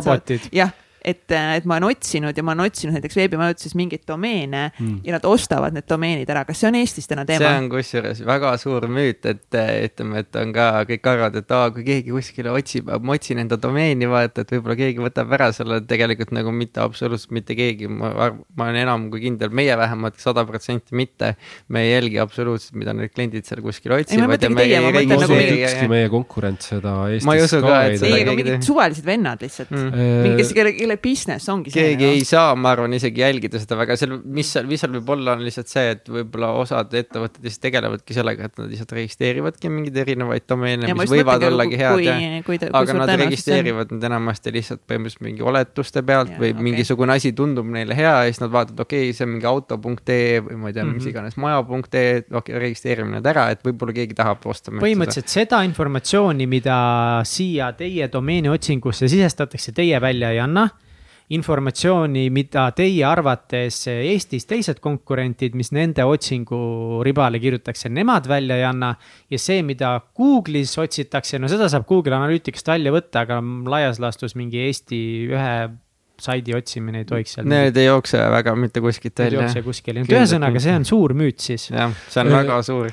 aga teisalt see on ka väga suur äh, nii-öelda industry või, või, või ärivaldkond, et kus siis äh, on võimalik väga palju automaatikat valmis kirjutada kuna näiteks äh, kogu mm, kõigi, kõiki Eesti registreeritud domeene on võimalik näiteks jälgida, selle kohta isegi oli kohtupraktika. et äh, Eesti Interneti Sihtasutus peaks seda infot kohe Äh, reaalajas välja andma, et, et palju domeene on ja mis seisus nad on.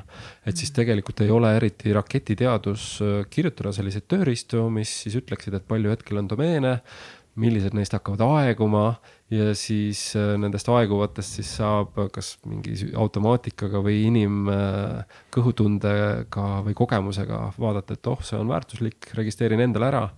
ja, ja siis seda domeeni portfelli nii-öelda nagu kasvatada ja, ja seal on loogika nagu selline, et nad noh, soovitakse nüüd müüa võimalikult suure vaheltkasuga, et, et kui mm -hmm. see domeen on võimalik siin kümne euroga näiteks ära registreerida, siis enamasti tahetakse vähemalt paarsada eurot kuni ikkagi paar tuhat äh, selle eest saada ja siis võib ise seda matemaatikat teha, et mitu domeeni neil mm -hmm. jääb nii-öelda müümata ja kui nad ühe müüvad, et siis äh, mitme domeeni registreeringu see ära kasutab.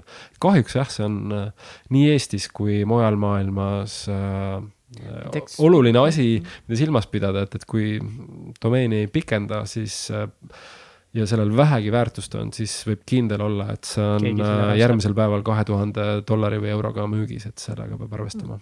kohe tuleb meelde, et väga hea domeen, mille keegi on ära ostnud, on Pornhub, ei Pornha pornhub.com, mitte Pornhub, aga pornhu.com mõtled, ma ise oleks kunagi sinna kogemata sattunud eh, kiiruga kirjutades ühe tähe lõpust ära jäänud, aga lihtsalt, ma tean. ei, mina ka ei usu, et sina sattusid. ma olen lugenud lihtsalt, et. kas see oli sõber? see oli sõber, ma ei lugenud, sõber ütles ja minu viga, et pornhu.com on väga, väga mm. palju inimesi võib sattuda sinna. see on jälle seesama asi, mis ma ennem rääkisin mm. ka, et äh, natukene valesti tipid ja mis ennem. aga noh, see toimib nagu ainult maailma suurimates yeah. veebides, maailma suurimatel platvormidel, et et äh, ühesõnaga, et kui sina täna nagu muudkui guugeldad mingit nime, mida sa tahad, siis keegi sellepärast seda ära ei osta, et sina seda nüüd konkreetselt guugeldad. suurepärane, äh, enne kui me veel lõpetame, kas on siis juhuslikult äkki tuleb teile kõigile siin pähe veel mõni väga suur müüt? üleüldistest teemadest, mida me täna oleme arutanud, see tõesti nagu väga hea küsimus, Kõts. aitäh. Te võite rahulikult mõelda, eetrivaikus on okei okay.. veidi suunata, et, et müüt, müüt siis nagu kodulehega seoses. nagu üldse see valdkonnaga, millest me rääkinud oleme. no koduleht mm. põhiliselt, domeenid mm. -hmm. No, kõige suurem müüt on tavaliselt see, et, et ettevõtjad nagu arvavad, et sellest ei ole midagi kasu, et koduleht äh, kodulehest ei ole midagi kasu, et tead, mul ikka põhimüüki käib, et inimesed äh, helistavad otse ja sõbrad ja tuttavad teavad äh,. Aga see pigem on see sümptom või tagajärg, et, et sa ei ole oma kodulehte veel tööle jõudnud või osanud panna. ma olen, ma olen, ma olen nii nõus sellega, ma olin nagu, ma olen üks nendest vendadest. Ja, ja kusjuures ma olen seda mm. Äh, mindset'i muutnud just äh, tänu teile, tänu sellele sisule, mida te, mida teie jagate. ja ongi suuresti ka Priit Kallas on ju, et nagu lihtsalt kuulas siis nagu mingi vau wow, ja, ja räägid mingi teist, et tulebki nagu mingi tänu SEO-le nagu mingi kuuskümmend protsenti mingi mm. liiklusest ja mingi klientidest. ma nagu mingi fuck, me pole kolm aastat veebilehele reaalselt nagu üldse rõhku pannud ja kui nüüd see, me hakkame seda tegema. ma olen nagu enda, enda käest ka vaadates nagu ütlema, et võib-olla see ongi kui sa loed neid kõiki lugusid, siis mõtledki, et aa, see on kuskil, ma ei tea, USA-s mingisugune, ma ei tea, kellelgi veel natukene on nagu normaalselt, aga ma olen ise ka nii palju igast, ma ei tea, Eesti väikeste ettevõtetel ka täiesti mingisugune. ma ei tea, kuskil täiesti mingi väike ettevõte pakub mingisugust, ma ei tea, X teenust või mingisugust muud asja. Neil on Eestis, et ongi nagu Google Adsi reklaamid, natukene on seo asja ära tehtud, koduleht on selline viisakas, okei okay, näeb välja. ja nagu tõesti mingisugune, pole mitte mingi probleem, ma ei tea, viiskümmend uut klienti leida iga kuu nagu tänu sellele, et kõik need asjad on üles seatud, kõik kõik asjad normaalsed. ja nagu mõtle ise, mis ettevõttele võib tähendada, kui ta reaalselt iga kuu saab näiteks mingi viiskümmend uut tööd või uut tellimust läbi selle kodulehe siis. ja need on nagu täiesti siuksed reaalsed numbrid, mis võivadki olla ja nagu see ei ole nagu üleüldse. mul on nagu lihtsalt, mul on lihtsalt valus. aga see ikka nõuab ju tööd, et siis sa pead ikkagi hea veebi tegema ei, kindlasti, ja sisutööd tegema. aga see ongi see, et, see ongi see, et sa nagu panustad sinna ja see on nagu, see on täiesti võimalik kogu see, kõiki neid tulemusi ja asju sealt kätte saada, aga muidugi ja kindlasti seal on vaja nagu siis juba arvatavasti kas siis ise väga palju õppida, et kõik, kõikides nendes asjades pädevaks saada, sest seal ongi see koostöö nii paljudest erinevatest nendest pusetükkidest ka, mis me täna juba mm. eelnevalt siin oleme rääkinud igast Google My Business'ide SEO-d. Google'i reklaam, hea koduleht, hea sisu, kõikvõimalikud muud need asjad. aga kui kõik need asjad kokku tulevad ja kõik asjad on olemas, siis tegelikult teha sealt nagu neid kliente leida nagu ütleme, et kui sa oled kuskil mingis suuremas valdkonnas ka, siis ei ole nagu üldse mitte mingisugune probleem nagu Richard enne ütles, et iga asja alustamisest te peate nagu õppima, et samamoodi nagu rulliluissu sõitmine, et mm. alustamine on oluline see, et alustamine on mm. väga lihtne. ärge kartke seda alustamist ja ajapikku lihtsalt pange aega sisse ja, ja. Step by step, aga lihtsalt nagu saage kohe aru alguses, et koduleht on nagu Tasud. oluline, et mitte kolm aastat hiljem, et nagu alguses kohe nagu saa täna juba aru, kui seal pole veel alustanud või sa oled just alustanud, et see on oluline. siin on, siin vaikselt hakata nagu aega sisse panema ja uurida võib-olla natuke, mis see, mis see seo on, on ju, äärtöötsi hakata nagu, nagu natuke lihtsalt suunama oma energiat nagu sinna, kui sa võib-olla täna oled ka selle mindset'iga, et mis see koduleht on ja ma olen kuskil lihtsalt mingi Instagramis ja Facebookis ja ma ei tea nagu. mõtle, kui oleks kolm aastat sa iga nädal iga kuu natukese midagi teinud edasi. täpselt, no mm. paar tundi iga kuu, no. järjepidevus ongi vist kõige olulisem, äkki võib-olla aitab see paralleel, et, et tooge paralleel oma päris maailmaga, et, et kui näiteks äh, United Dream Studios äh, omab kontoripinda, et siis see raha, mis te maksate oma kontori eest äh,, tegelikult tasuks teil vähemalt samas äh, mahus iga kuu investeerida oma, oma kodulehte. et ja umbes samad parameetrid, kui klient tuleb siia sisse, on ju, et siis äh, te pakute mingisugust elamust või, või kogemust. et samasugust elamust või kogemust peaksite pakkuma ka internetis, aga siis on juba teie uks on sisuliselt see Google'i aken, kuhu klient hakkab mhm. kirjutama mm -hmm. oma, oma vajadust ja siis te peate välja tulema. Kats, kas me küsime meeste käest ka meie välkküsimusi, kui nad lubavad kiiresti vastata meile? välgutame veits nendega mõlema käest. oi muidugi. meie tavalise saate formaadi lõpus on alati siis meie külalistele välkküsimused ja need Selleks siis nüüd veebimajutusega pole absoluutselt seotud nende enda kohta. ja nüüd teie ülesanne on siis mitte vastata kiiresti sõnadega, aga vastake lühidalt. meie esimene välkküsimus kõlab äh, siis järgnevalt ja ma lasen teil siis kordamööda vastata, alustame Richard sinuga äh, milliseid, kas sul on olulisi harjumusi või mingeid rutiine, mida sa teed igapäevaselt või iganädalaselt uh,? hommikul näiteks külm dušš iga hommiku ja siis nice. näiteks ka iga, enam-vähem igapäevaselt tegelikult mingite podcast'ide asjade kuulamine ja nii palju, kui vähegi saab, siis lihtsalt üleüldine eneseharimine vähemalt iganädalaselt. nagu igast videod, kõikvõimalikud muud asjad, raamatud, värgid. Marko?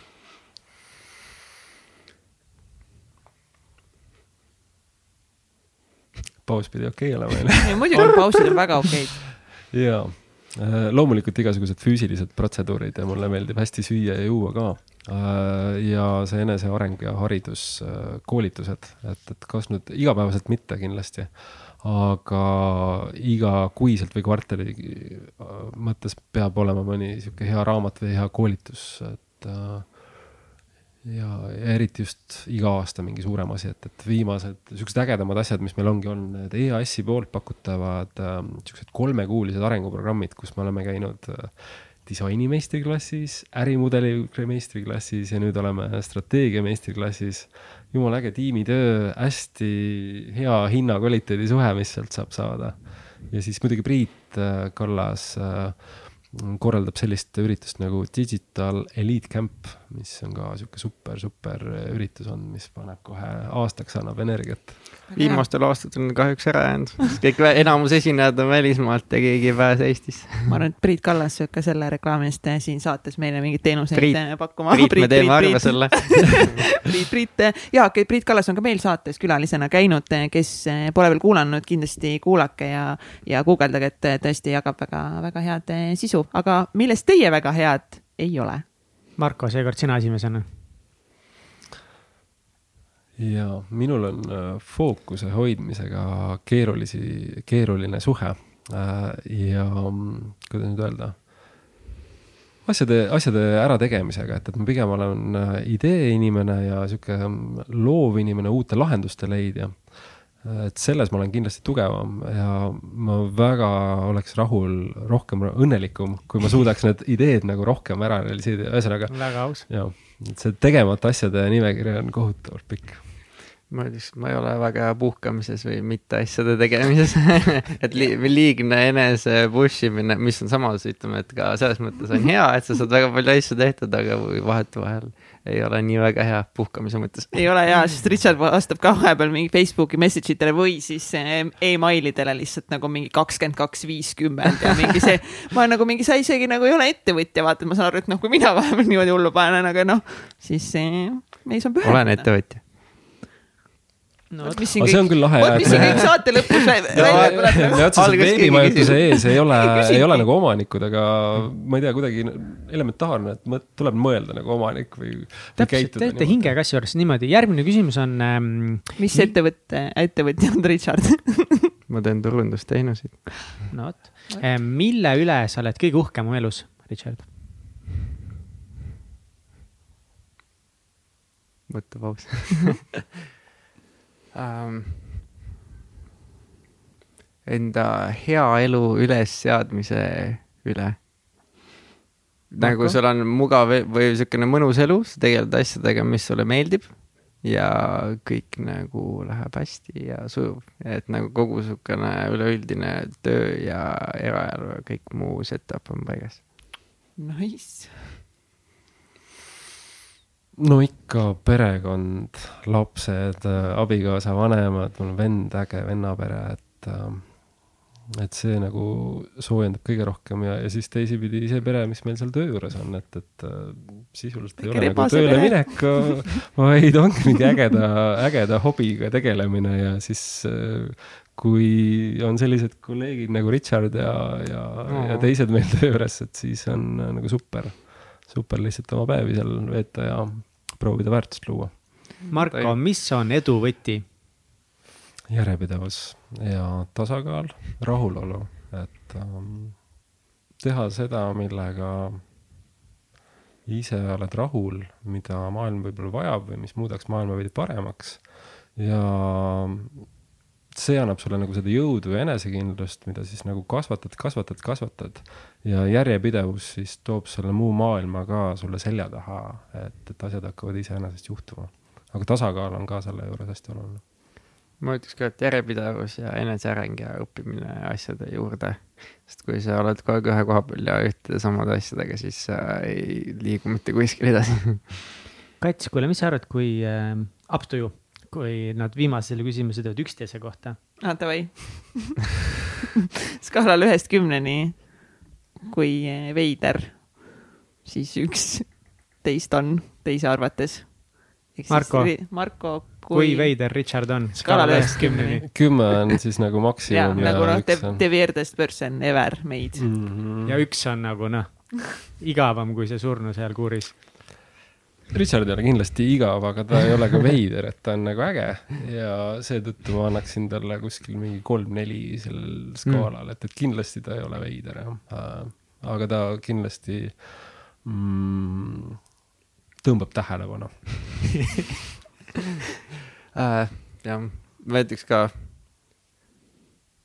Marko kindlasti ka ei ole veider, aga ma ütleks ka võib-olla. noh, sellepärast ta surnukoori näidet ma ei tea, te olete kuidagi konservatiivsed, see ei kõla ausalt siin praegu. ma arvan, et see oli kauges seal minevikus tänapäeval on Marko tegelikult ka väga rahulik ja kõik on väga hästi aga jah, ma ütleks ka, ma ei tea, viis, midagi sellist, mitte väga just jah mingit väga veidrat mingit kiiksu asja ei ole mida, mis kuskil selle skaala väga kõvasti üles tõmbaks.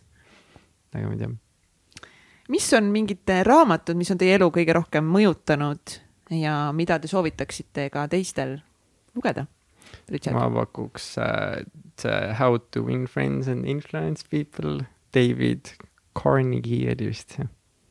Dale, Dale Carnegie. Dale Carnegie, jah mis ka, see on jah, niisugune väga põnev üleüldine inimeste toimimise ja kõikvõimaliku suhtluste ja asjade kohta, et see oli väga põnev.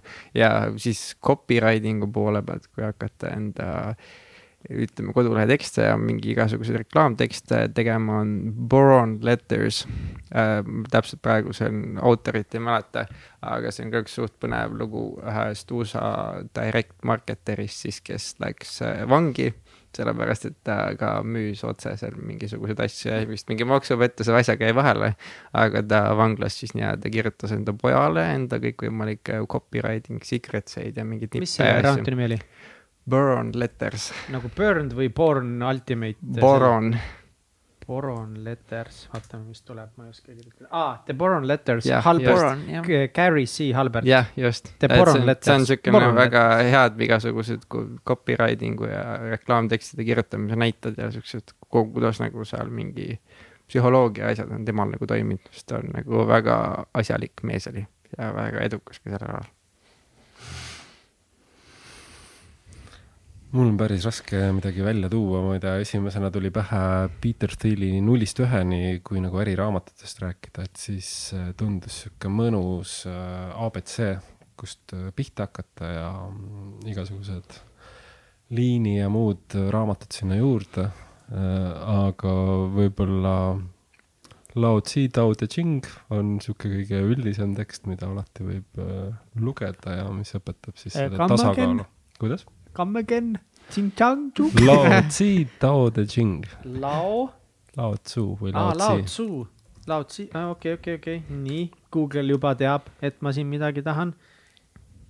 nii, ja tema nagu mingid raamatud, sa ütlesid raamatu nime ka, ma leidsin. Tao Te Ching on jah, tal see Te põhitekst. Tao Te, näe, ongi. okei okay., aitäh, väga lahe.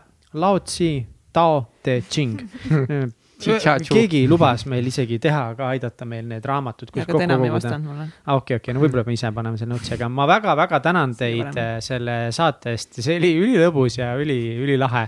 ja kõige toredam, mulle isiklikult meeldis see, et me saame päris palju ideid, mida ise teha konkreetselt oma saitidega. absoluutselt ja ma loodan, et noh, kuna me nüüd siin teeme eh, seda, seda, seda projekti koos siin ja, ja Äristarteri projekti ka, et siis ja me hakkame Unitediga uut veebilehte tegema, nii et siis ma loodan, et siit nüüd saab, saame siit kasulikke nõuandeid teie käest ja mida jagada ka siis teistega, et kuidas siis hästi veebi teha. Ja ma olen täiega excited, et teie olete nagu enda nüüd sõrmed, käed, jalad selles mõttes ära andnud meile, et noh siit, siit hakkab head eh, sisu tulema ja, ja mul, mul on täiega hea meel, et, et me saame nagu koostööst luua midagi, mis päriselt aitab inimesi. aitäh ka meie poolt saatesse kutsumast ja väga tore oli vestelda siin ja teadmisi jagada, vahetada infot ja koostööd teha. aitäh ja kõige oluline jah, on, olulisem on see, et ise pihta hakata esmased teadmised ise ära omandada ja siis, kui ühel hetkel tunned, et on vaja eksperti kaasata, siis tasub võtta eksperdid juurde ja kasvõi meie kodulehel on väike ekspertide andmebaas ka. aitäh teile kõikidele. jah, kui sul on Tšau. küsimusi ah,. jah, nii, jah, ma. tekkinud on ju, siis, siis küsi meie ah, käest uh,. Ah, Instagramis võid kirjutada meile. seal me seal on nagu kõige mugavam meil neid analüüsida siis neid küsimusi, mis sul on eh, tekkinud selle saatega seoses või üldse veebi tehes oma ettevõtet alustades, et saada küsimused ja teeme siin poistega veel sisu juurde teile, nii et. head aega. nägemist aitäh, et kuulasid saadet Täitsa Pekkis saade tõid teieni Katrin Hindrikus-Karu ja Mihkel Vetemaa. tehniline juht Egert Karu. supernatas by Priin Tallo. ÜRO Supreme Manager Kelly Treu. ja NASA juhtivanalüütik Kaari Aupaju. kui see saade läks sulle korda ja inspireeris sind, siis toeta meid Patreonis, patreon.com, kaldkriips, täitsa pekkis tee ära. saadet toetavad United Dream Studios, Tint Disain, Million Mindset kirjastus ja Blender. järgmise korrani